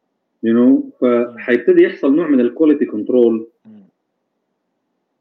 نعم. بديهي كده. إيه. إنه الناس مش هتقبل بعد كده واحد يطلع يغني موال نص لبة وفاكر نفسه مطرب عظيم. ولا واحد يطلع يقول تلاوة نص لبة وهو آه قارئ سكه يعني. نعم. لأنه في مقاييس عند الشباب بيسمعوا قاعدين دلوقتي التليفون فيه 300 مثلا ممكن يكون عنده مثلا إيه تسجيلات مصطفى إسماعيل كاملة. صح. وقاعد مشغلها طول اليوم وهو راكب الميكروباص رايح الجامعة وجاي من الجامعة. نعم. خلاص حيتربى صح. هو في راسه تكون عنده خلاص شكل التلاوة النموذجي. نعم. لو انت مش قريب من المستوى ده بالابعاد دي بالنسبة له ما ينفعش. اللي بعده. بس حياخد وقت الموضوع. صحيح. مرحلة اي ثينك في مرحلة ترانزيشنال وفي ناس كويسة والله يعني. في ناس م. كويسة في عيال كويسة جدا. ابتدوا آه يطلعوا وابتدوا يقولوا ويغنوا. ماشيين في سكة كويسة ماشيين في سكة صح عايزين نتعلم صح وبتاع. لكن الحاجات دي محتاجة دعم. صحيح. محتاجة الدعم ومحتاجة المناخ والعام وكذا. خلي مارتن يحكي لك لو جالك فرصة تتكلم معاه عن الفرق الكبير اللي بنشوفه في تركيا النهارده في في في في في آه بتاع التكيات والزوايا نعم. المحلات بتاعت ال practices الصوفية. نعم. النهارده موجودة بكثرة سواء في اسطنبول ولا في اورفا ولا في ولا في الحتت دي. نعم. آه بورصه آه تعالى من 20 كم 20 سنة؟ لا الموضوع كان مختلف. نعم. فين وفين لما تلاقي حاجات زي دي؟ ومدارس. نعم. فتحت المدارس ثاني محتاج دعم. أنت محتاج دعم. طبعا لازم نلتقي مع مارتن قريبا. إحنا عندنا خطة للقاء جيد مع مارتن أعزائي المستمعين. خليكم جاهزين. آه والله. إن شاء الله حلقة أكيد إيه وأكيد إحنا حنلتقي يوم من الأيام مع اوكسفورد مقام. المجموعة إن شاء الله. آه. إيه. يا ريت يا ريت. ضروري. طيب في على موضوع الغربة إحنا تكلمنا عن موضوع إن كل واحد تشوفه تقنع فيه وتشرح له والآن انتهى الموضوع هذا وتغير زي ما شرحت. لكن أوه. كذلك يعني واحدة من جوانب الغربة هو الفنان الغير متفرغ. يعني هو عنده دوام أيوة ثاني وشغل ثاني و... دي دي يعني من بيسموها إيه يعني دي من الحاجات اللي, اللي بتؤلمني وستؤلمني دائما وابدا.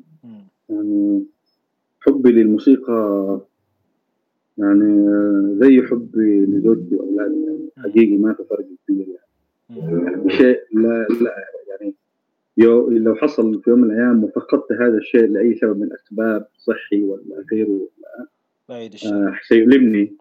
لكن آم آه في okay لو كنت متفرغ يمكن أقول ممكن أعمل أكثر اتعلم أسرع ال curve بتاع التطور يبقى إيه. عمودي steeper آه مش عمودي يعني بس يعني أسرع عموما يعني. يعني اللي بقعد أحفظه هنا واتعلم وأفهمه في في في أربع شهور ممكن أنا لو أنا بصحى كل يوم الصبح وبشتغل لغاية الساعة 6 العصر في الموسيقى بس يعني الموضوع كان هيختلف أكيد. نعم. آه سواء input و output كمان. نعم. آه لكن برضو خلي الواحد يقول إيه كل واحد ربنا بيديه 24 قيراط. أنا مؤمن بهذا الشيء. يعني أنا عندي 24 قيراط خلاص. يعني يعني ده المكتوب لي. و I look at the positives أكثر من ال negatives يعني. صحيح. يعني I look at the positives إنه مثلا آه ال negative إنه ممكن أشعر بالغيرة من الناس اللي بتشتغل لما أبص كده ألقاهم أبص كده في الليستة بتاعتهم مثلا ألاقي عنده حفلة بكرة فين وبعد بعد بكرة فين وبعد اللي بعد بعده وشغال الشهر كله حفلات مرة حفلة هنا ومرة حفلة هنا ومرة حفلة هنا ومرة حياته كلها حفلات بعدين وندوات ولقاءات موسيقية وبيشتغل في الموسيقى 24 ساعة. آه يعني بتبص كده على الحياة دي من بعيد بنوع من الغيرة طبعا ما فيش في شك ما في شك.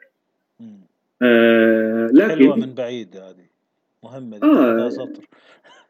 آه من, من بعيد فعلا يعني you know, from the from the outside زي ما إيه صحيح. from the outside in. نعم.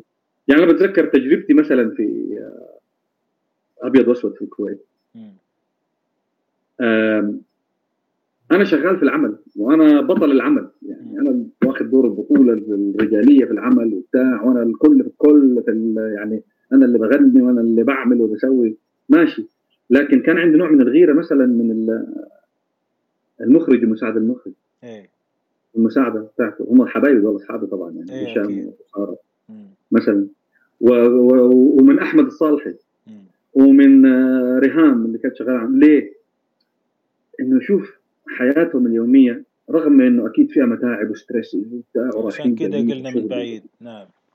آه لكن آه حياة جميلة برضه. يعني I would have loved to I would love to live this life. إنه أشتغل في الموسيقى and produce something يعني نعم. in the production. نعم. عارف إنه يكون شغال مع الأوركسترا بنعمل في في في بنوظف في الموسيقى وبعدين بنوظف في سيناريو في حوار وبنعمل في تابلوهات مسرحية وحاجات كده وبتاع يعني الفن جميل شيء جميل. نعم. وهم طبعا كلهم فنانين متفرغين. نعم. لكن أقول إنه أنا آه برضو الحمد لله يعني حياتي مستقرة. سواء آه حياتي الشخصية أو حياتي العملية. في الناحيتين حياة مستقرة. حياة مستقرة أيضا ماديا. مرات ممكن تلاقي الموسيقيين يعني إحنا الموسيقيين عندنا مش كل موسيقي آه زي مايكل جاكسون. بيطلع كونسرت تاخذ فيها مليون دولار ويروح. Never has to worry about money.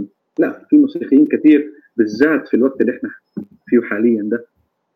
أعتقد الفنانين بكل أشكالهم اللي بينتفعوا من الموسيقى بينتفعوا من الفن بكل أنواعه. أكيد ستراجلينج شوية اليومين دول. تماما. يعني وأكيد شايلين هم المادة. لأن الحاجات شبه متوقفة. وعلى الضيق وبتاع. يعني على الأقل خلينا نقول معنويا حتى لما يغني في مكان ولا بتاع ما فيش جمهور قدامه. نعم. بيتفاعل معاه. الغنى كله عبر الإنترنت. نعم. فيعني الحمد لله آه، أنا بما طول ما أنا يعني كويس في حياتي سواء شخصيا ولا ولا عمليا ولا ماديا أنا I'm okay ولما عندي وقت أفرغ للموسيقى I look forward to يعني. صحيح. بستناه الوقت ده عشان اي فالمغزى من من الحديث هذا إن أنت عندك يعني كفنان الواحد عنده الشروط الموجودة وال والظرف الموجود وهو يا أما يواصل لأن عنده حب لهذا الشيء أو أنه ينكسر يعني. هي الحياة كده يعني. آه بالضبط. بعدين يعني آه خلينا نقول إنه إذا أنا بالنسبة لي اتليست الغنى والحاجات دي كل اللي أنا بعمله ده آه هو الغاية وليس الوسيلة. نعم. ده مهم. نعم. هي دي الغاية انه أتعلم وأغني وأحفظ الدور. يعني غايتي حفظ الدور. مش غايتي إنه أحفظ الدور. مش الوسيلة إنه أحفظ الدور عشان استعمله وأشتهر به لا. نعم. أنا عمري النهارده 47 سنة. ويعني I think it's يعني يعني ما have no ambition no ambition at all إنه أشتهر اعلاميا ولا مش عارف إيه ولا نجومية of some kind ولا أي حاجة. ليس عندي أدنى آه شغف. رغبة في هذا. ان فاكت لا لا لا يعنيني في شيء. يعنيني أكثر إن أهم عندي اني أفضل يعني أشتغل في الحاجة دي طول ما أحب أمارسها يعني. أهم كثير كثير نعم أحسن. وإذا أنا عايش أربع إذا أنا عايش 47 سنة كده لحد يعرفنا لا أعرف حد.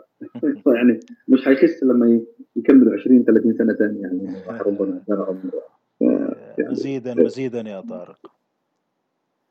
آه طارق خلينا نركز شوية على المغني.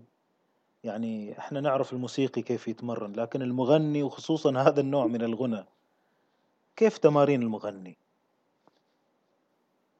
برضو بديهيا كده الاستماع الكثير جدا. نعم. يعني بكثرة بكثرة شديدة. وبعدين برضو خلينا نقول الاستماع التارجت إيه. يعني مستهدف. المستهدف. آه آه لو أنا حسمع حاجة عشان أمرن صوتي في شيء معين أو أو أفكر في حاجة معينة لا. يعني مثلا أنا بسمع جدا إبراهيم الفران. بحبه جدا. الله. لكن أنا مش هتعلم حاجة من إبراهيم الفران تفيدني أنا في صوتي لأنه هو صوته في كوكب وأنا في كوكب ثاني خالص. فعلا.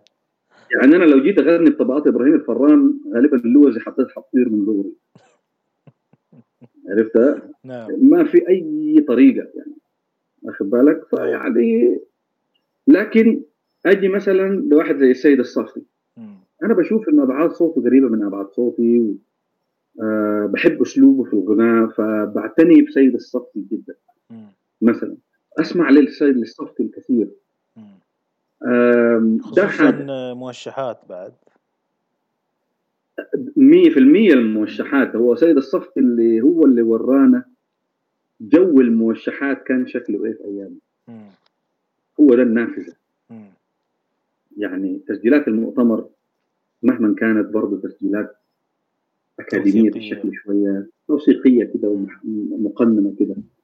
آه رغم إن فيها جو خلي بالك برضه فيها الجو يعني. يعني الصهبجيه دول برضه يمكن طريقة غناهم ما فرقتش كثير هي غالبا آلة واحدة معاهم والباقي مثلا واحد ماسك القاع وأربعة خمسة بيغنوا.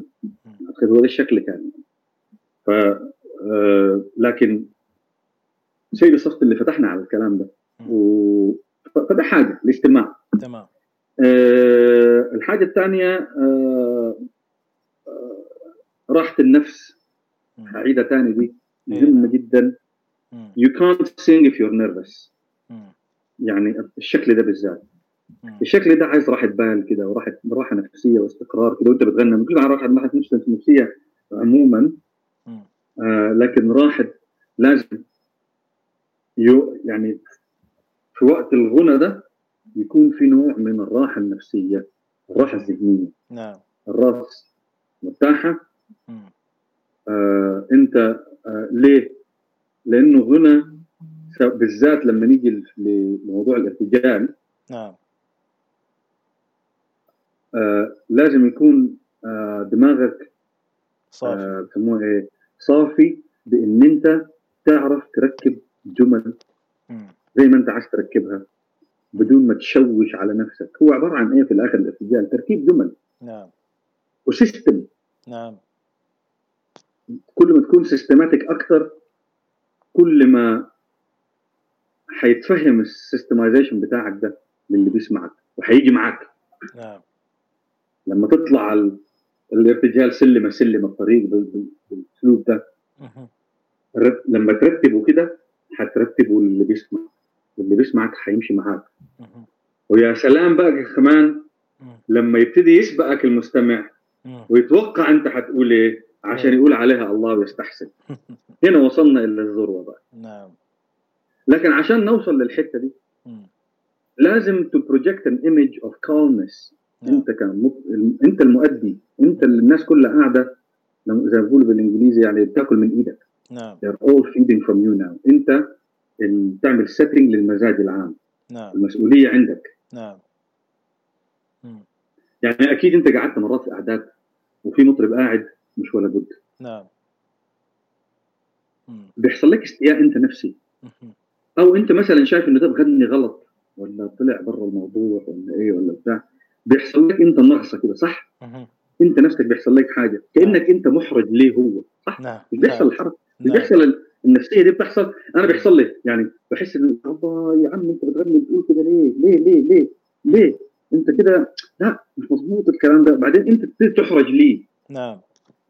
نفسيتك تعبت. نعم. وتبص حواليك تلاقي برضه اللي حواليك نفسيتهم تعبت. اذا ده كده خلاص. الموضوع فصل. راحت الروح. نعم. وبقينا عايشين في بيسموه إيه في في الواقع وفي اللحظة. إيه. صاحيين. أيوه. وخلاص يعني خرجنا من التجربة. خرجنا من ال... خرجنا من التجربة تماما. إحنا خلاص مستنيين الراجل ده يخلص بس عشان نمشي نعم. وكل الحاجات دي بتصب في راحة البال. يعني ممكن يكون مطرب كويس وممتاز وكل حاجة لكن لو مش مستقر نفسيا حيتشوش. نعم. وحيطلع برا وحيعمل بتاع. دي حاجة. آه في راحة الصوت نفسه الراحة نفسها يعني عدم الإجهاد في في في ولو ان أنا يعني اسوء من يتكلم في القصة دي يعني مهمل جدا. لكن I will I'm, I'm doing something about it. خلاص اتفقنا يا مستمعين إن طارق حيهتم بنفسه أكثر. آه حاهتم لأنه صراحة يعني صراحة شديده أنا مهمل مهمل في, في العناية بالصوت إحنا ما نعرف صراحة وش سويت لكن متفقين. يعني مثلا المفروض يبقى في تمارين يوم يومية. آه للصوت. آه في تمارين في حاجات اسمها اللي هو vocal fry في السولفيج العادي ده بس. في الحاجات بتاعت ال diction تحت النطق دي عشان اللسان يتحرك كويس والشفايف تتحرك كويس والحاجات دي. وتعلمت الحاجات دي من مين؟ أنا بقى من عبير نعمة. آه. الله يمسيها بالخير أه. في الكويت. كان أوضتها جنب أوضتي. نعم. في أوضة اللبس بتاعتها جنب أوضة اللبس بتاعي في المسرحية. نعم. وقبل ما ننزل يعني قبل ما نبتدي ال show مثلا بنص ساعة ولا بتاع أسمعها بقى هي بتعمل في التمارين. أنا ببقى قاعد في أوضتي عمال آكل بسكويت وأتونس مع الناس. وهي طبعا أسمعها لك بقى بتعمل تمارين. كده بتاعت صوت بتاعها. مره المرات دخلت لها قلت لها بتعملي إيه؟ إيه الأصوات اللي طالعة من أوضتك؟ لي تمارين لازم عشان الصوت يطلع مضبوط طب ما تعلميني الحاجات اللي بتعمليها دي. لأن أنا راجل يعني هاوي على قدي ما بعرفش الحاجات دي. ورتني شوية حاجات لي اعمل برر واعمل لا واعمل مش عارف إيه ونظم نفسك ونظم كل حاجة عشان حتى هدوء نفسك تهدى غمض عينيك for 10 minutes and just shut everything out. الحاجات دي قد تكون بديهيه لكن مهمة صراحة وفرقت معي فعلا. نعم. الرياضة. الرياضة مهمة نعم. السباحة بالنسبة نعم. لي نعم. مهمة جدا جدا جدا جدا يعني بحاول أسبح آه يوميا إذا كان. تنظم النفس أيوه. آه بتنظم اللونج كاباسيتي والحاجات دي يعني آه عادة طبعا الممارسة مهمة جدا. إنك تمارس. كان في نعم. قصة زمان بيقولوا إنه أعتقد من مذكرات سامي الشوا إنه يوسف المنيلاوي. لو عدى مثلا أسبوعين ثلاثة ما جالوش شغل بيلم التخت ويروحوا على قهوة أي قهوة يستقبلوا. نعم. مهما كانت. ويغني. وصلتين ثلاثة. عشان يقول لك ليه؟ عشان صوتي ما يصديش. what he really means is نعم. so that I don't lose ال uh, ال practical إيه اللياقة. ال practice اللياقة. بالضبط. نعم. اللياقه فطبعا لكن في الوقت الحالي كلنا واقفين. وكلنا قاعدين ما فيش شغل ما فيش حاجة يعني نشاطات بسيطة جدا جدا من ناحية الموسيقى عشان كوفيد موجود لكن when it starts again إن شاء الله نبتدي ثاني يعني بروفات وحاجات. إيه. والآن على الصعيد الشخصي يكون على الفنانين انهم يهتموا بلياقتهم. أو اونلاين بدأت آه 100% موجوده الحاجات إحنا النهارده الموضوع سهل جدا. مم. حقيقي سهل خالص يعني. مم. يعني تخش كده اونلاين وتكتب vocal exercises مثلا for tired for tired voice بتلاقي. أيوه. هتلاقي كل حاجة يعني. وتوظفها. و... بتوظفها exactly وبعدين آه عندك وقت تشتغل في حاجات. ما فيش شغل يعني actual تشتغل على نفسك. صح. يعني إحنا لقينا نفسنا أهو محبوسين في البيت ست شهور أهو أو يعني at least يعني محبوسين globally من أي نشاطات عامة ولا بتاع. قعدت قلت okay this is a good time إنه ابتدي بقى لي فترة واعد نفسي إن أنا أشتغل على موشحات درويش الحريري. خلاص قعدت اشتغلت عليه. بس. يعني نعم. ابتديت. ابتديت أهو حفظت بتاع. أقول لك وصلنا كام؟ وصلت مثلا بتاع كم 20 موشح دلوقتي غير الحاجات اللي كنت حافظها. okay؟ نعم في فوائد في فوائد في فوائد. آه بالضبط بالضبط. من الوقت يكون مليان بحاجات يعني كويسة يعني. طيب خلينا نسلط بعض الضوء على آه، المهارات اللي نتوقعها في المغني. يعني الآن تكلمنا عن التمارين وأنت غطيت بعض الأمور. آه. آه بس إيش ممكن تكون مهارات أخرى لازم يكون المغني معتني فيها ويطور فيها؟ والله أعتقد إن التطوير اتليست خليني أقول لك من تجربتي أنا التطوير في الأسلوب أسلوب الغنى نفسه. أنا بدور على سلاسة الأداء. أداء سلس.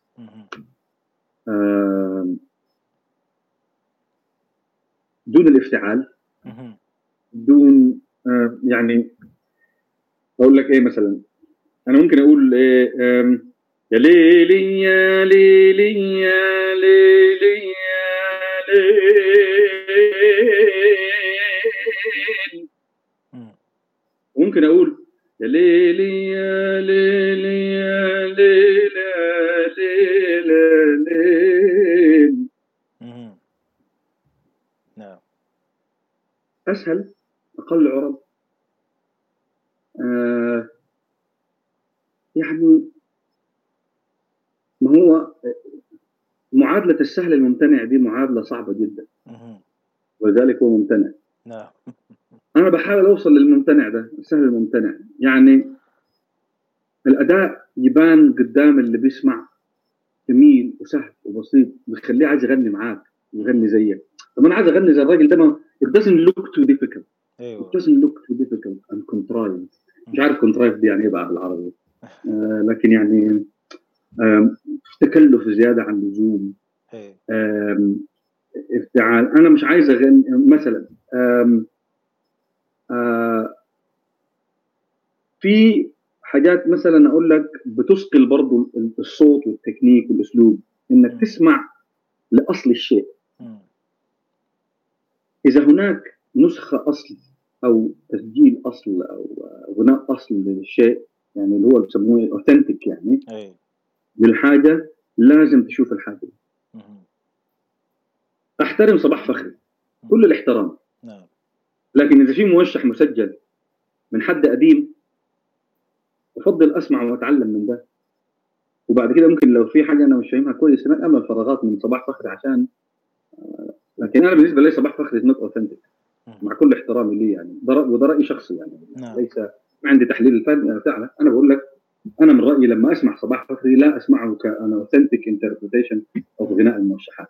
هو ليه أسلوبه تناسب مع وقته وتناسب مع فترة الستينيات والسبعينيات والشكل ده ونجح فيه وتميز فيه. والراجل يعني مشهور وعمل مجهود عظيم في دوكيومنتنج كم هائل من الموشحات سواء المصرية أو الشامية أو المشتركة خلينا نقول بالاثنين. نعم. آه لكن آه لا أنا أستمع إلى الاب وأستمع نعم. إلى أقدم ما يمكن أو نعم. أقرب ما يمكن للوقت اللي اتخلقت فيه هذه الموشحات نعم.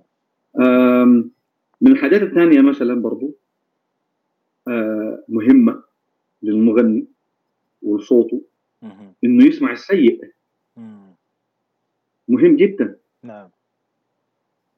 اسمع السيء عشان تشوف ال ال ال الأساليب السيئة والخاطئة في التعامل مع اللحن في الأساليب الخاطئة أو أو بالنسبة لك على الأقل يعني المرفوضة في الغناء عشان تتجنبها أو في الأداء عموما. نعم. عشان تتجنبها. فأنا بسمع ده كثير بروح نعم. أسمع أوحش مثلا آه، نسخه لحد غنى مثلا موشح لما بدأ يتسنى بروح أدور على اسوء من غناها. أشوف الغلط فين عشان أتجنب. نعم. فمهم إنك تسمع كذا تسمع across the spectrum فكل ده I suppose ينصب في السمع. نعم. و آه، الحاجة الثانية المهمة آه، أنا أعتقد دي يمكن تصب في حتة الراحة النفسية إنك تغني أشياء بتناسبك. نصا ولحنا. نعم. يعني تناسب مزاجك أنت الشخصي. أنا من الناس اللي مثلا ما عنديش تقل على الأغاني الدينية والاغاني الوطنية. ماليش تقل عليه يعني حب الوطن فرض علي يعني يمكن تكون ده الحد الأقصى يعني. بتاع عبد الوهاب. نعم. لكن مثلا حاجات عبد الحليم ناصر يا حبيب الملايين مش عارف إيه، جمال يا حبيب الملايين ولا مش عارف إيه يا ناصر يا مش عارف إيه الحاجات دي. ما أقدرش عليها. ونفس الوقت الحاجات الدينية. يعني مثلا أنا أحب التواشيح أسمعها لكن لا أغني التواشيح. ولا تناسب مزاجي الشخصي في الغناء. إنه أقعد كده في يوم من الأيام أغني إبتهال لطه الكشني لا يستهويني. فابتعد عن هذا الشيء. أسمعه أتعلم منه حاجات أتعلم منه تكنيك بتاع لكن ما أغنيش. آه لا يستهويني يعني عارف ماذا تريد. ابدا. عارف بالضبط. وحتى في النصوص اللي بغنيها حاجات معينة. في نصوص لا تستهويني. يعني في كلمات أنا ما بحبش أغنيها. آه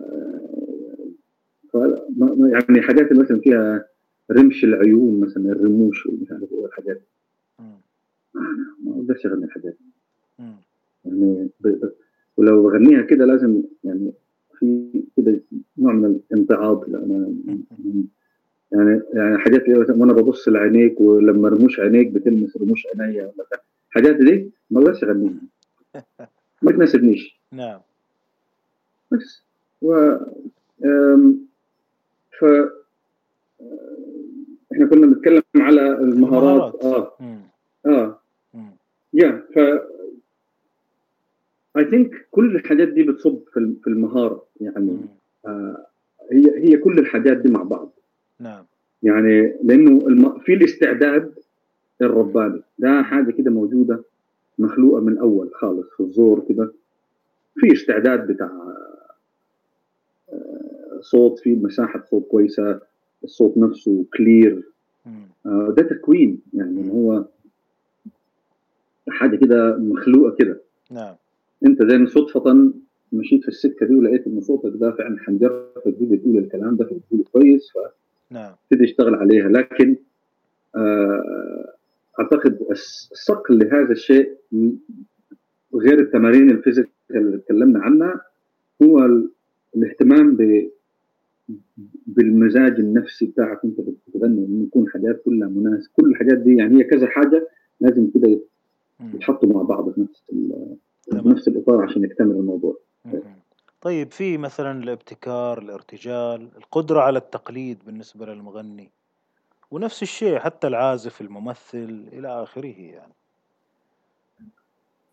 آه يعني آه طبعا موضوع الابتكار والارتجال آه في الموسيقى العربية بتاعتنا دلوقتي في مصر مثلا مش متوفر في كل الألحان. يعني إحنا هنتكلم مثلا على أغاني اللي بيسموها الأغاني المقفولة يعني الحاجات اللي هي معروفة في الأربعينات والخمسينات. لما واحد هيغني مثلا أنا قلبي دليلي ولا هيغني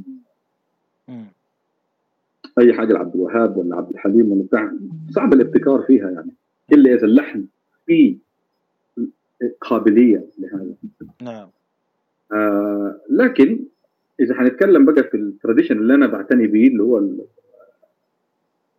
عصر النهضة فده مليان طبعا. هو نعم. يعني بيرتكز على على الارتجال والابتكار. ف آه، ده أيضا بيجي من فكرة الاستماع بالطريقة اللي شرحتها لك من من من شوية نعم. بتاعت آه إنك أنت تقرأ النص قبل ما تسمع اللحن. وتخ... وبعدين وبعد ما تسمع اللحن الاصلي وتسمع وتسمع تسمع كذا تسجيل إذا متوفر. لنفس الدور مثلا خلينا نقول نمسك الدور مثلا كنوع. الدور أنا بالنسبة لي على فكرة بشوف ان هو شامل هو وصلة جوا الوصل. نعم. مذهب الدور عامل زي الموشح. نعم. حتى بتغنى جماعي. مكتمل اللحن موزون الإيقاع نعم. محدد النقلات والمقام يتغنى جماعي. نعم. بعدين جوا الجزء اللي جوا فيه التفاريد ده هو كأنه موال يعني. نعم. آه فأنت عندك اهو النوعين اللي بيسبقوا الدور. نفس الألمنت دي هي جوا الدور. نعم يعني طيب. تركيز الوصله كله في الدور. آه ولذلك هو الذروة لأنه بيجتمع فيه الحاجتين اللي أنت عملتهم قبليها دول. وفي موسيقى الآلية كمان ما أنت بتقول التفاريد وبيرد عليك بموسيقى آلية وبتاع. الموضوع متفاعل و organic. نعم. آه هنا أقول لك إنه الارتجال ثقافة okay. في برضه أعتقد خيال رباني موجود استعداد ناتشورال موجود. مش كل واحد خياله زي الثاني. نعم. في ناس خيالها أوسع. في ناس خيالها اضيق وبتاع. لكن خلينا نقول إن أنت خيالك متوسط الخيال. ولكن كيف تثقل خيالك المتوسط؟ إنك تحطه في إنك تقدر تلعب في ملاعب الكبار يعني خلينا نقول. أو توصل تحاول توصل للذروة. الناس اللي خيالها واسع تمد العضلة. آه. again بالتمرين الممارسه وبالاستماع لكم هائل من هذه التسجيلات. وبسموها هي بسموها permutation نعم. ال permutation نفس النص. ناخذ مثلا حاجة بتاعت إيه آه، دور زي البلبل جاني وقال لي مثلا. نعم. تلاقي مثلا ليه يا حمام بتنوح فكرتني بالحبايب. ما انت ما انت عندك يوسف المنيلاوي مغني إيه؟ يعني ارتجل هنا. سيد الصفتي ارتجل هنا. عبد الحي حلمي ارتجل هنا. آه سليمان أبو داوود ارتجل هنا. آه اسمه إيه ثاني اللي كان بيغني؟ عبد علي عبد الباري نعم. ارتجل هنا. كله بيتوقف ويرتجل في نفس المكان. okay ماشي great however أنت بتاخذ كل الأشكال دي وتشوف بالنسبة لك مين اللي ارتجل صح ومين اللي ارتجل غلط ومين اللي ارتجل صح هنا غلط هنا وهكذا ف you by اكتساب كل ده والجمل دي تحط كده في البنك الموسيقى اللي جوه هنا ده. نعم. تطلع بعد كده في ارتجالاتك انت اللي انت بعد كده لو انت مرتاح نفسيا مخك حينظمها وتطلع نعم. منظم. و systematic. نعم. فأصبح عندك رغم إن أنت مثلا إنسان محدود شوية ربنا مش فاتحها عليك كده زي مصطفى إسماعيل ولا زي علي محمود. مم. مثلا. نعم. لكن بالاجتهاد عندك حصيلة مكتسبة فوق الشويه الربانيين نعم. يودوك من ال 50% to 75% نعم. فده نوع من ال... ده ده اسقال فكرة الابتكار والارتجال. حلو. أنا في رأيي. تمام. يا. طيب أنت طارق يعني رأينا أكثر من مناسبة. آه، تحسن التقليد. آه، يعني خلاص بنشوف عبد الوهاب بيغني وشوية بنشوف زكريا بيغني وشوية بنشوف فلان وعلان بيغني. فواضح جدا يعني هو مش مجرد للمرح. أنا بشوف إن دي يعني شيء من التمرين أصلا إن الواحد يجيد الملاحظة واستلال الشخصية والأسلوب وحتى الصوت وبعدين يقدر يتخلص منها في وقت الغناء الجاد يعني. ضروري نتكلم عن التقليد. إيه، والله شوف أنا أخذت ملكه التقليد دي من والدي الله يرحمه. الله يرحمه. والدي كان يعني مش عايز أقول لك آه، راجل آه، كان يعني عنده قدرة غريبة على ملاحظة حاجات معينة في وشوش الناس وفي صوتهم كلمات معينة كده نعم. ويعرف يقلدهم نعم. من ما أنا وعيت على الدنيا وابوي ده بيقلد يا أما يقلد خالتي يا أما يقلد خالي يا أما يقلد أخوه هو ولا يقلد حتى أمي ولا أيوه. دائما بيقلد الناس كده وبتاع. ففكرة التقليد في البيت من ما أنا صغير. تمام. فوعد عندي فكرة إنك آه، بتشوف حاجات معينة في الناس بتسحبك على طول حاجات بتشوفها آه، آه، تلتقطها تسجلها. تلتقطها على طول يعني. وبعدين الجماعة دول كمان كانوا مميزين جدا. يعني إحنا بنتكلم في ناس متميزين كانوا جدا يعني سواء أسلوب في اللحن ولا أسلوب في الغناء يعني. لا يمكن تسمع آه، صوت زكريا في أسطوانة وما تعرفش انه زكريا. نعم. استحالة. نعم. يعني حتى لو الصوت ضعيف ومشخشخ وبتاع لا حتى الأسلوب حيبان. نعم. ولو ما عرفتوش من الأسلوب حتعرفه من اللحن. وكذلك عبد الوهاب. يعني نعم. صوت عبد الوهاب يعني لا يختلف عليه اثنين يعني. في كل مراحل. يعني حتى زي في كل مراحل. آه لحد عبد الوهاب. أيوه. مش هذا النبكي ولا هذا الاشكي أيوه, أيوه. نعم. آه. فقلت لي عبد الوهاب لا يختلف عليه. لا يختلف عليه. ف... ف الناس دي يعني آه أنا تأثرت بهم جدا كتينيجر يعني. نعم. ومن الحاجات بقى اللي يعني كنت ابتديت أبتعد عنها خلينا نقول آه لما دخلت في مرحلة الوعي اللي قلنا عليها دي. نعم. إنه الفرق من من الفروق يعني إنه قبل مرحله الوعي لما كان حد يقول لي الله يا حبيبي ده أنت صوتك زي عبد الوهاب بالظبط. كنت أفرح أطير في الفرح أنا كده شغال صح جدا. نعم. أنا معناه كده ماشي مظبوط. نعم. عارف اللي هو يعني لما أقول لك طير يا فؤادي وغني عارف؟ عبد الوهاب. نعم. آه لكن بعد مرحلة الوعي ابتديت استاء نعم. و... وحتى بعد مرحلة الوعي آه مثلا اجين لما نتكلم عن حد يفتح لك أبواب الناس تفتح لك أبواب بتفتح لك حاجات في راسك انت مش واعي لها. نعم. يعني people looking from the outside in. أنت ممكن تكون مشغول زيادة عن اللزوم باللي أنت بتعمله والغنى والبداع وفرحانه بنفسك. نعم. وتلاقي واحد يقول لك لا. عرفت يعني أحمد الصالحي مثلا مرة قال لي أنت دلوقتي بتغني الأدوار كويس. فهمت موضوع الدور وفهمت الغنى وبتاع بس إيه وجهة نظرك؟ سألني سؤال مرة إيه وجهة نظرك؟ أنت كفنان دلوقتي إيه وجهة نظرك اللي أنت بتقول؟ إيه وجهة نظر طارق بشير في الدور نعم. اللي أنت بتغنيه؟ لأن قال لي حاليا أنا شايف قدامي وقاعد منيلاوي قلت له كيف يعني يا أحمد؟ يعني قال لي قاعد منيلاوي قاعد بتغني؟ بتقلد المنيلاوي ولا بتقلد عبد الحي ولا بتقلد صفتي؟ انت وجهة نظرك كيف الموضوع؟ bearing in mind إن أنت يعني عايش في 2015 مش في 1890 نعم.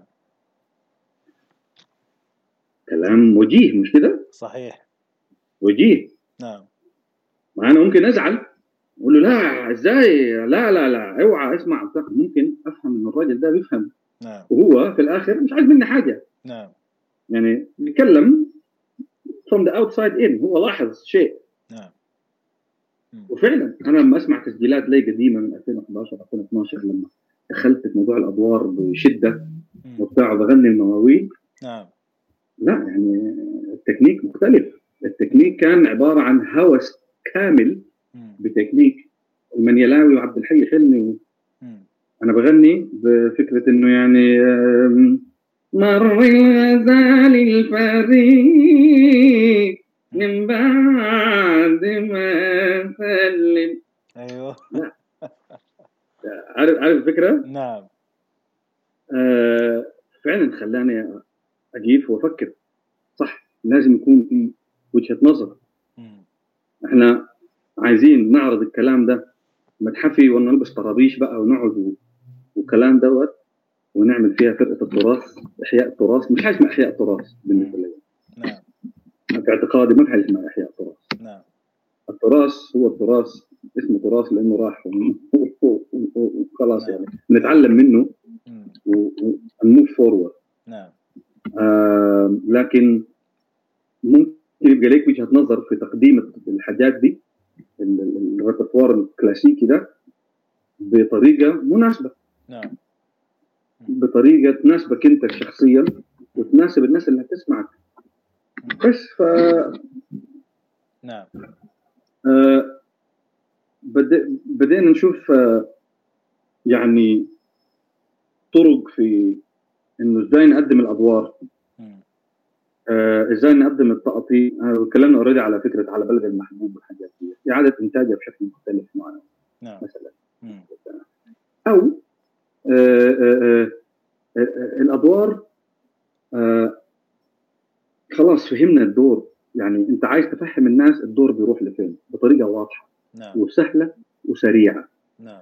يعني let's be honest أول حاجة طبعا القعدة هي القعدة. يعني لو أنا وأنت وأحمد وكم حد من الشباب قاعدين في الكويت كلنا في الدنيا حنغني طول الليل. أوكي أعيد وأزيد. اللي هي اللي هي اللي هي حمام بتنوح. لي اعيد وأزيد طول ما أنتم مستانسين. أنا بغني. نعم. عادي. وأنت ترد عليا مرة وهو يرد عليا مرة بالكمانجة وأنت بالكمانجة وبتاع وأنا قاعد ونقول لكن في الحفلات والحاجات دي أنت بتقدم الحاجات دي لازم يكون في نوع من التقنين للموضوع بدون افساده نعم. و آه يعني آه بشكل بسيط شكل all I can say إنه بيبقى شكل بسيط للعمل يعني وأنت مثل ما قلت يا طارق إنك بتسمع الأصل بتسمع الإصدارات من الكبار مثلا اللي أنت مقتنع فيهم بتظهر بصورة شخصية ويمكن هذا له علاقة بسؤالنا التالي ولو م. بشيء من الاختصار اللي هو كيف تأسس لذوق مميز أو هوية ذوقية أنت؟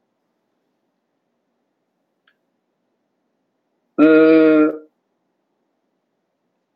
لا يعني هو يمكن كل اللي قلته من من من قبل كده يصب في الهوية الذوقيه بالضبط. آه لو ولو في وجهة نظر معينة اسيم زي ما بيقولوا ماشية في كل اللي أنت بتقدمه آه هو ده بيخلق أسلوب معين. خلاص ليك أسلوب. نعم. أنا بشوف إنه أبسط مقام لها أسلوب معين. نعم. يختلف عن بقية الفرق. نعم. يختلف عن أصيل مثلا. مم. في اختلاف fundamental. أنا في رأيي نعم. بين اوكسفورد مقام وبين فرقه أصيل. مثلا. مم.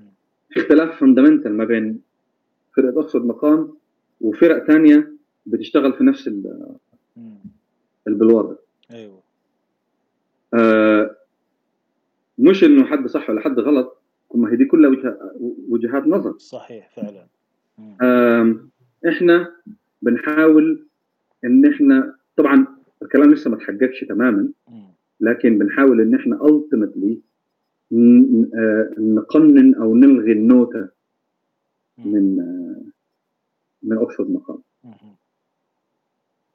ما أقولكش إنه حنرجع زي التخت بتاع زمان لأنه التخت بتاع زمان اللي أنت بتسمع التسجيلات ده الكمانجاتي ده ولا الرقاق ولا القانونجي عزف وغنى مليون دور مم. ومليون موشح نعم. حياته. إي نعم. فلما يقعد يعمل الحاجات دي this is just an extension of his nature. إي نعم. إحنا النهارده هي سكا... هي ثقافة مكتسبة. مم. يجب أن تعامل كثقافة مكتسبة. مش ح... مش مش حي... لا يمكن في يوم من الأيام أنا حقدر أخلي الكمانجات اللي بيشتغل معانا آه مثلا يكون فاهم التراديشن دي. كانه يعني مم. impossible. نعم. لكن you can work towards هذا الشيء. نعم. يعني you can تعمل لانك توصل لشيء قريب من ده. نعم. فمثلا آه بنحفظ فكرة دولاب مدخل أو حاجة لكن ما بنحفظش بالضبط. بنعمل على فكرة ال- ال- ال clash بتاع ال- heterophony على الهيتروفونيه مم. نعم جميل بدون تصنع أيضا مم. بدون ذكر أسماء في ناس ثانية تتصنع هذا الشيء بدون مش عايز أذكر أسامي لكن حاجات يعني في في تسجيلات أنا سمعتها الناس آه بيعملوا الحاجة دي لكن واضح إن أصلا يعني متدربة وبتاع نازلين مع بعض على السن يعني مم. آه بنحاول مثلا إيه آه أقول لك آه لما بنتكلم لما لما بن- إحنا كفرقة بنتعامل في الأدوار والحاجات دي. بنثبت المسحب وفي الدور بنتمرن على صيغة الدور. يا جماعة الخير أنا حيكون عندي تفاريد في الدور حبتدي حجاز زي بداية الدور الدور حجاز حفرد حجاز وبعدين من الحجاز حروح مثلا على آه، حسيني من من العشيران هو يعني من الله يعني. نعم. مثلا. أوكي. وبعدين من هناك حروح أعمل شوية حنك ورنك مثلا على الأوج. نعم. ومن هناك حرجع ونقفل على الحجاز ونقفل الدور. نعم. إزاي زي كذا. ونروح متدربين عليه. ولكن ما فيش لازمات المختلقة اللي في النص ديت. ما فيش تثبيت لأي شيء مم. نعم. To keep the organic thing alive. فالقى مثلا بيحصل resistance لأنه الثقافه يعني مثلا سواء عازف الكمان مثلا سلار أو آه، مينا مثلا عازف ال- ال- ال- الناي اللي معانا. دول ناس عايزين آه، يعني ثقافتهم مش عيب. هو يعني راجل برضه عايش في القرن العشرين والواحد وعشرين. نعم. okay؟ فهو متعلم إنه لا حدد الموسيقى وحدد الحاجة عشان نفهم رايحين فين. نعم. بالنسبة لهم ثقافة دي مم. لكن وي كيف تمام. بأغلاط. وبالمشاكل اللي بتحصل مرات في الحفلات. ومرات ناس بتتزحلق وبتروح وبتاع. بس مش هنتعلم غير كده. صحيح. أنا كل اللي ليك عندي أنا أنا اللي أنا اللي سايق. أنا اللي سايق. أنا اللي بغني الدور. I'm driving. كله يمشي مع اللي حمشي معاه. نعم. مش هفاجئك. لأن إحنا عاملين بروفا صح. زي كانوا في التلفزيون إحنا عاملين بروفا مش هفاجئك بمقام جديد. ومش هطلع برا. مش هطلع من حجاز لجهاركاه. مش حش مش هشطح. لا الموضوع أبسط من كده. آه في الحتة دي. وبعدين مثلا في عندنا حاجة ثانية إحنا عاملينها. إنه بخلي الكونترباس بالذات في الأدوار والموشحات والحاجات دي. مش يعزف آه النغمة المغناة زي الكونترباس اللي بتسمعها ام كلثوم اللي بتسمع في الموسيقى العربية والحاجات لا هو نعم. بيعزف الإيقاع.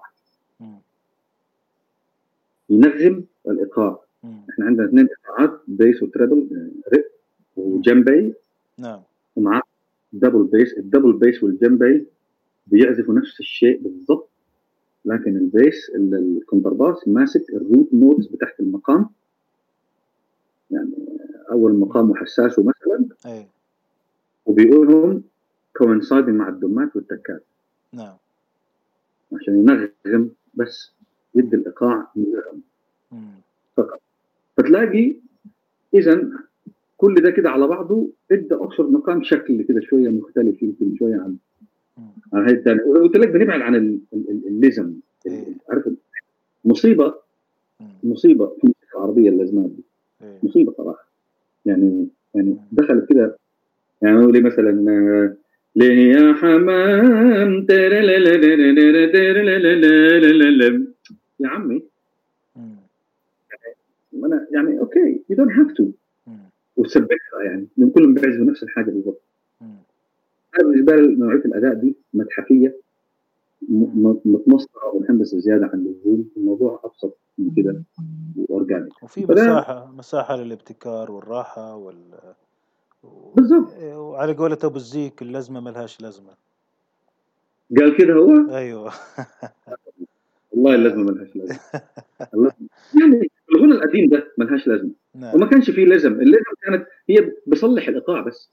هو هو بي بي بيملى الحتة دي يصلح الإيقاع عشان يخش ثاني المخرج صح. يعني خلي بالك التسجيلات القديمة أغلبها الناس مش مقيدة خالص بالوحدة. مم. بالطريقة العنيفه اللي الناس مقيدة بالوحدة دلوقتي. نعم. والرقاق الشاطر زمان كان بيأخر الوحدة عشان يدخل المطرب الراجل بيعفق وبيقول عربة في الآخر. أنت نعم. أنت ليه حاكمه بوحده عشان تخبط في النص؟ وفي وحدات بتغيب صح؟ نعم. بيقولوهاش. صح. They don't even play it. نعم.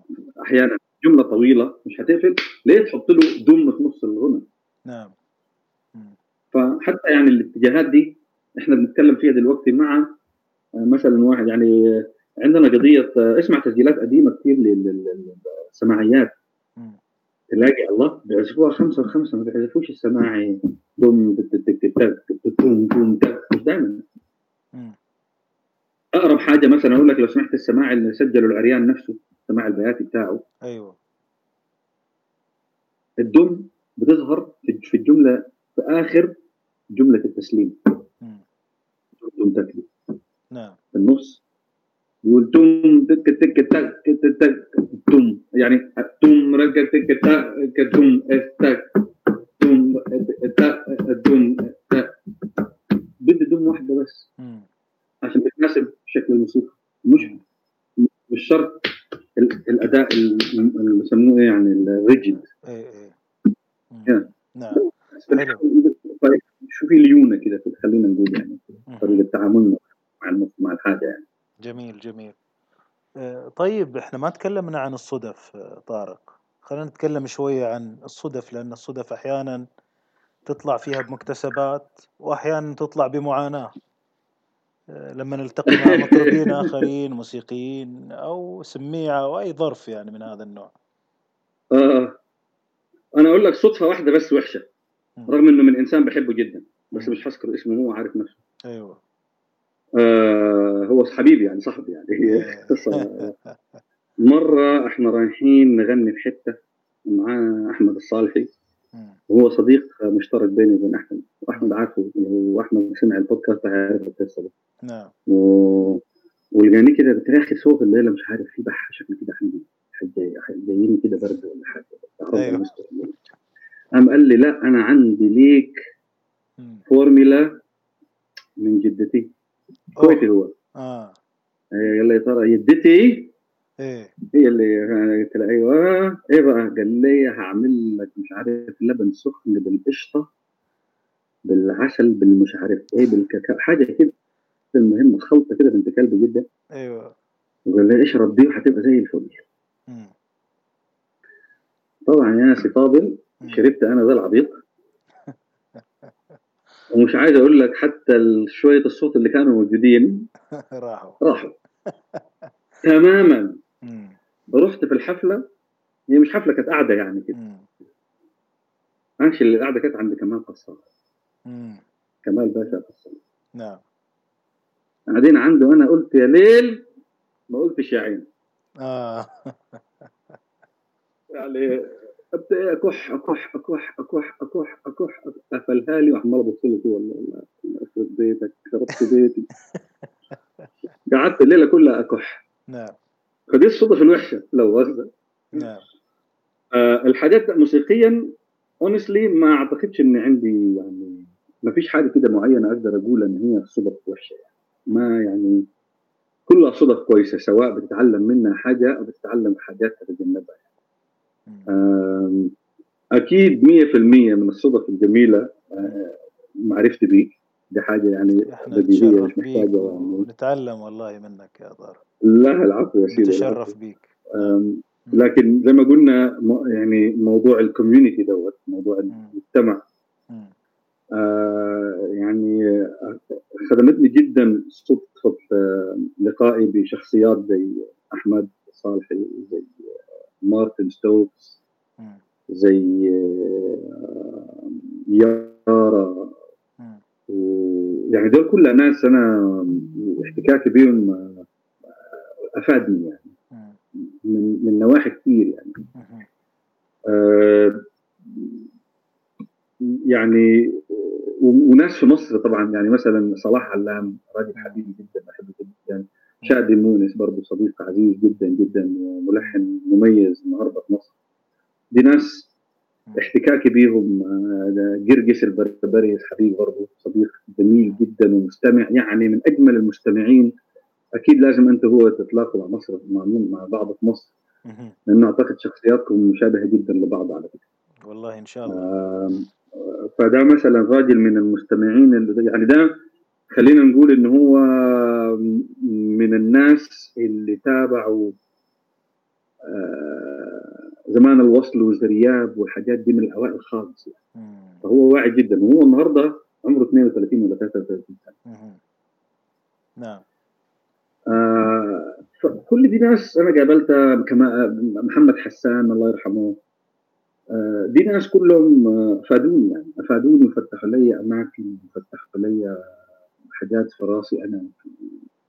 لتني يعني سواء ساعدوني physically ادوني حاجات ادوني فعالات يعني محمد حسان وأحمد الصالحي ادوني كم من الموسيقى في الأوائل قبل ما الحاجات تبقى موجودة كده وأشترك في المنتديات والحاجات ديت وبتاع.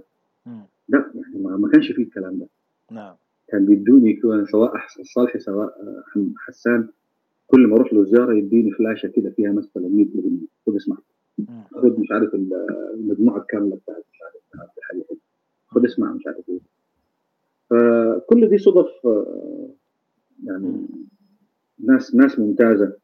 آه اجتمعت مثلا بمصطفى سعيد وأخوه محمد عنتر. آه ما قابلتهم كثير ما قعدت معهم يعني فترات طويلة أو بتاع لكن ما فيش شك إنه آه برضه يعني جلسة معاهم مفيدة. آه ولو إني يعني يمكن كانت جلسات كلها يعني أغلبها عزف وغنى وبتاع فما حصلش كده نقاشات حتى موسيقية زي الناس. لكن مصطفى مثلا عنده البودكاست اللي بيعملها بتاعت في AMAR Foundation نعم. ممتازة جدا. روضة البلابل. آه آه آه, آه بتاعت روضة البلابل. ممتازة جدا جدا جدا. آه النقاشات آه اللي أخذتها مع ناخذها مع الاستاذ علي بحري آه مع دكتور طارق عبد الله. كل الناس دي تعلم منها حاجة. يعني بتذكر من كم شهر لما كان طارق عبد الله بيعمل البودكاست بتاعته على ال live على الفيسبوك live كنت بتفرج عليها باستمرار. الحلقات اللي بيتكلم فيها عن الصنباطي أو كان مدرسة العود والحاجات هو راجل متخصص في الحتة دي بالذات. فبيوريك حاجات في في الآلة ولا في في تاريخها ولا بتاع بتخليك تروح تدور انت بعد كده على حاجات ثانية يو نو فدي كلها حاجات آه، بتاع البودكاست بتاعتك مثلا. يعني آه، فيها حاجات شيقة جدا جدا. أنا مش متذكر مش فاكر مش متذكر اسمه اللي أنت استضفته وعملت معاه حوار طويل عن المؤتمر. نعم.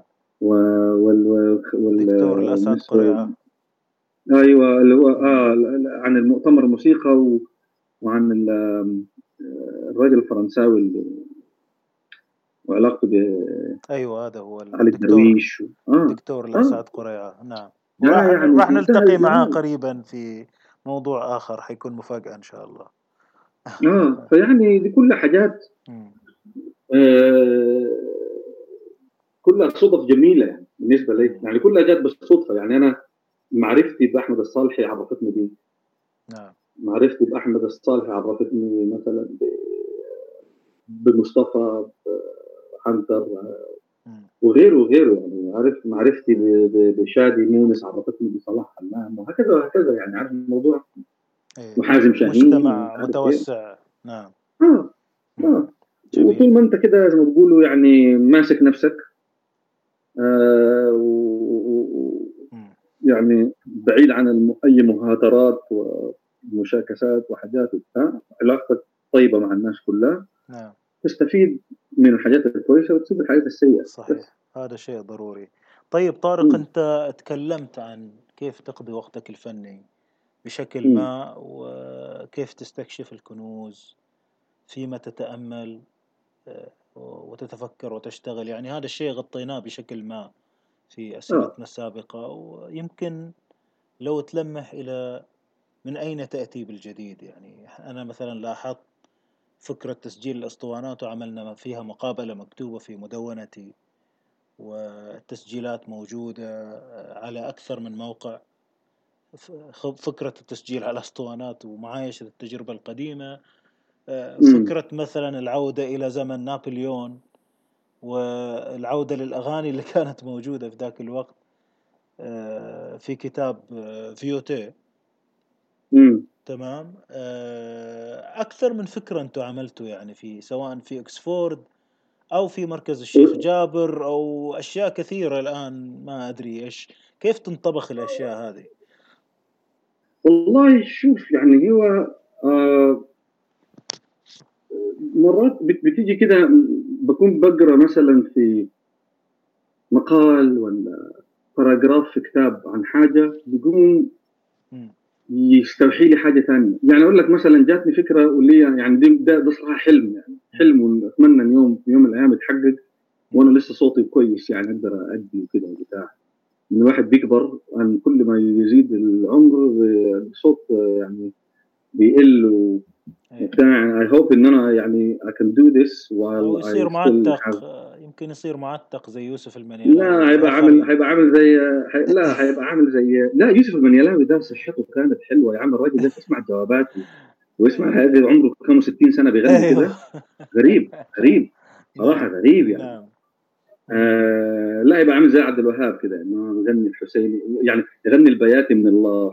أيوه. آه. ليلي ليلي نعم. يعني هوب يعني مثلا عندي فكرة دلوقتي إنه وليها فترة الفكرة دي اكشلي يعني لكن محتاجة فلوس ومحتاجة وقت واعتناء إنه نعمل زي آه فيلم آه شبه آه documentary concert نهضويه نعم. by recreating المناخ بتاع وصلة في الفرح والجو بتاع الصوان في مصر القديمة. وتيك اوفر ان قهوة. نعم. هنوزع شاي وعصير وقهوة ورز بلبن ببلاش. نعم. لكل اللي حابب يقعد وتصوير محترم. نعم. وهنأدي وصلتين. أداء قدام الناس مجاني ولا concert ولا يحزنون organic نعم. ناس قاعدة وبتاع وبإخراج معين كده وبتاع. I'd love to do something like this again. It's يعني the concept of a day in the shoes. يعني يوم في آه، حياة مطرب من المطربين بتوع زمان دول كيف كان ال atmosphere ده؟ can you recreate ال atmosphere ده؟ ممكن السميعه دول لسه؟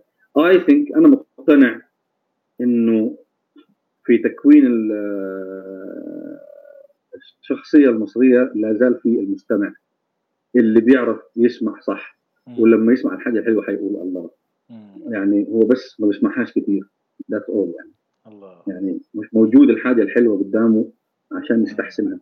فلو حطينا قدامه حاجة كويسة متقنة جميلة آه فدي فكرة نفسي أعملها يعني كنوع من بتاع نشوف شكله إيه ال atmosphere ده نعم أنت تخيل بقى أنت هتعمل بقى free drinks and free مش عارف إيه و free قاعدة الناس جاية تقعد تسمع مزيكا يعني آه، نعم. أنا يعني يوم جمعه يوم جمعة بالليل ولا خميس بالليل ولا حاجة مم. مفتوحة للعامة لو جه قعد لك 150 200 نفر مثلا بركة نعم. حلوين كلهم قاعدين وحيسمعوا بدون نعم. دوشة وبتاع طبعا كل ده it's easier said than done ومحتاج فلوس ومحتاج funding ومحتاج دعم ومحتاج بلاوي زرقاء. لكن هو الواحد بيحلم. نعم. ده حاجة.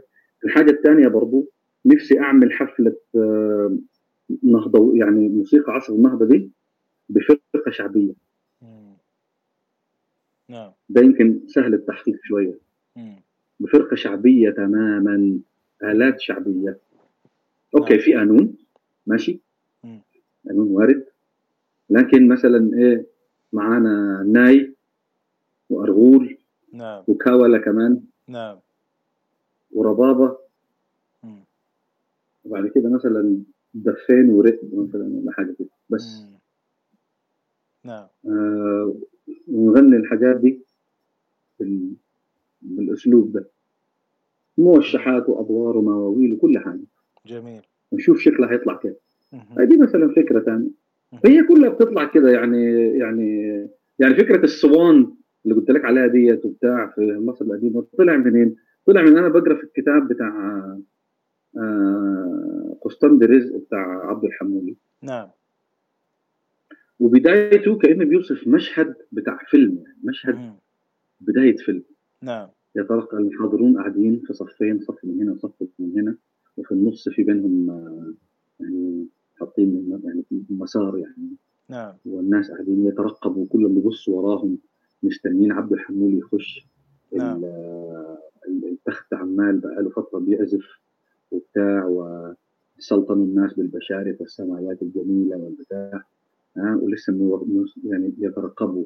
ودخل يمشي بوقار ماسك السبحة في ايديه يسلم على الناس بوقار. نعم. وبتاع. أخذني المشهد. قلت يا سلام لو واحد عرف يعمل صوان زي ده. نعم. To recreate something like this. نعم. And see 140 years later. إيه. إيه الموضوع؟ just to see. إيه. Just to see. يعني إحنا خلي بالك موضوع ال wax cylinders فتح لنا يعني gave us questions. إيه. طرح علينا أسئلة. الموضوع إيه. لوحده بدل يعني. بدل التنظير والتوقعات التخيلية أنت أمام المادة قدامك كيف تسجل وحجمها ومدة الوقت وإشارة التوقف و... بالظبط أنت ممكن تتخيل حاجات إيه. بالظبط وسرعة الاسطوانة و... إلى آخره. آه. وده خلاك تختار حاجات معينة. ما أنا لا يمكن أقدر أغني في البعد ياما على اثنين دي... على دقيقتين. امبوسيبل ما ينفعش. نعم. ولذلك تلاقي الحاجات اللي ظهرت في الكوبايات القديمة نعم. هي إيه؟ مسمع من دور كذا.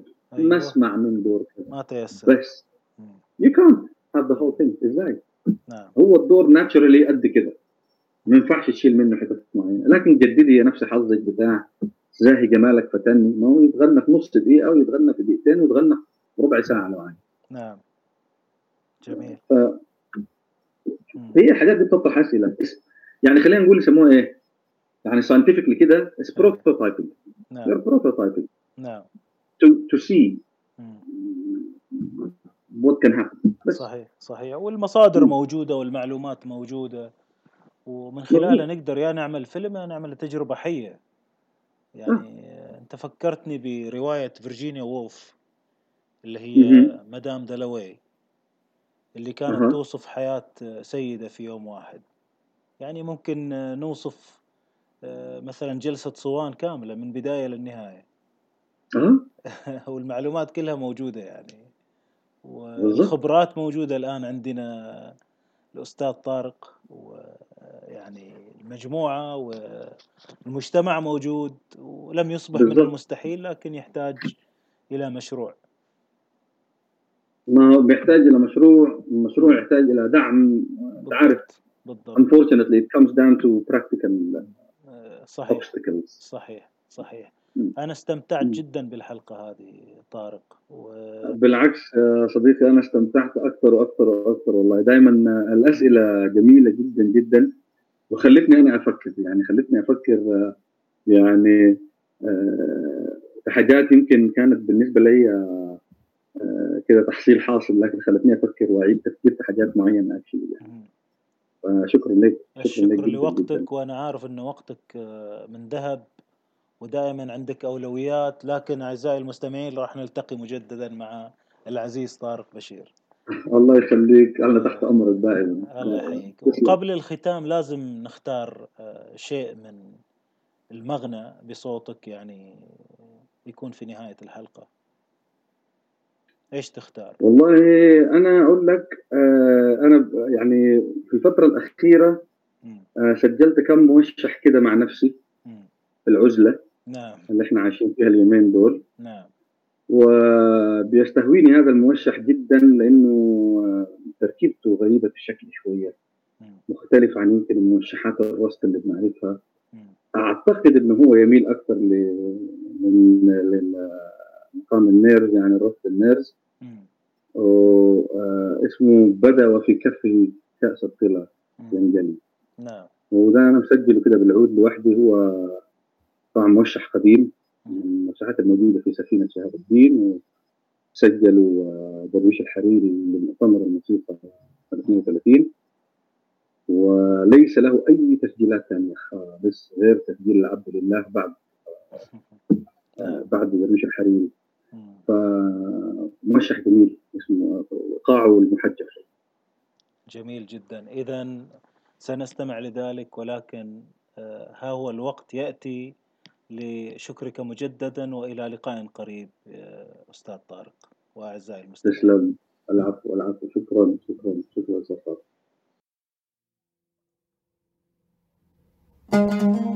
في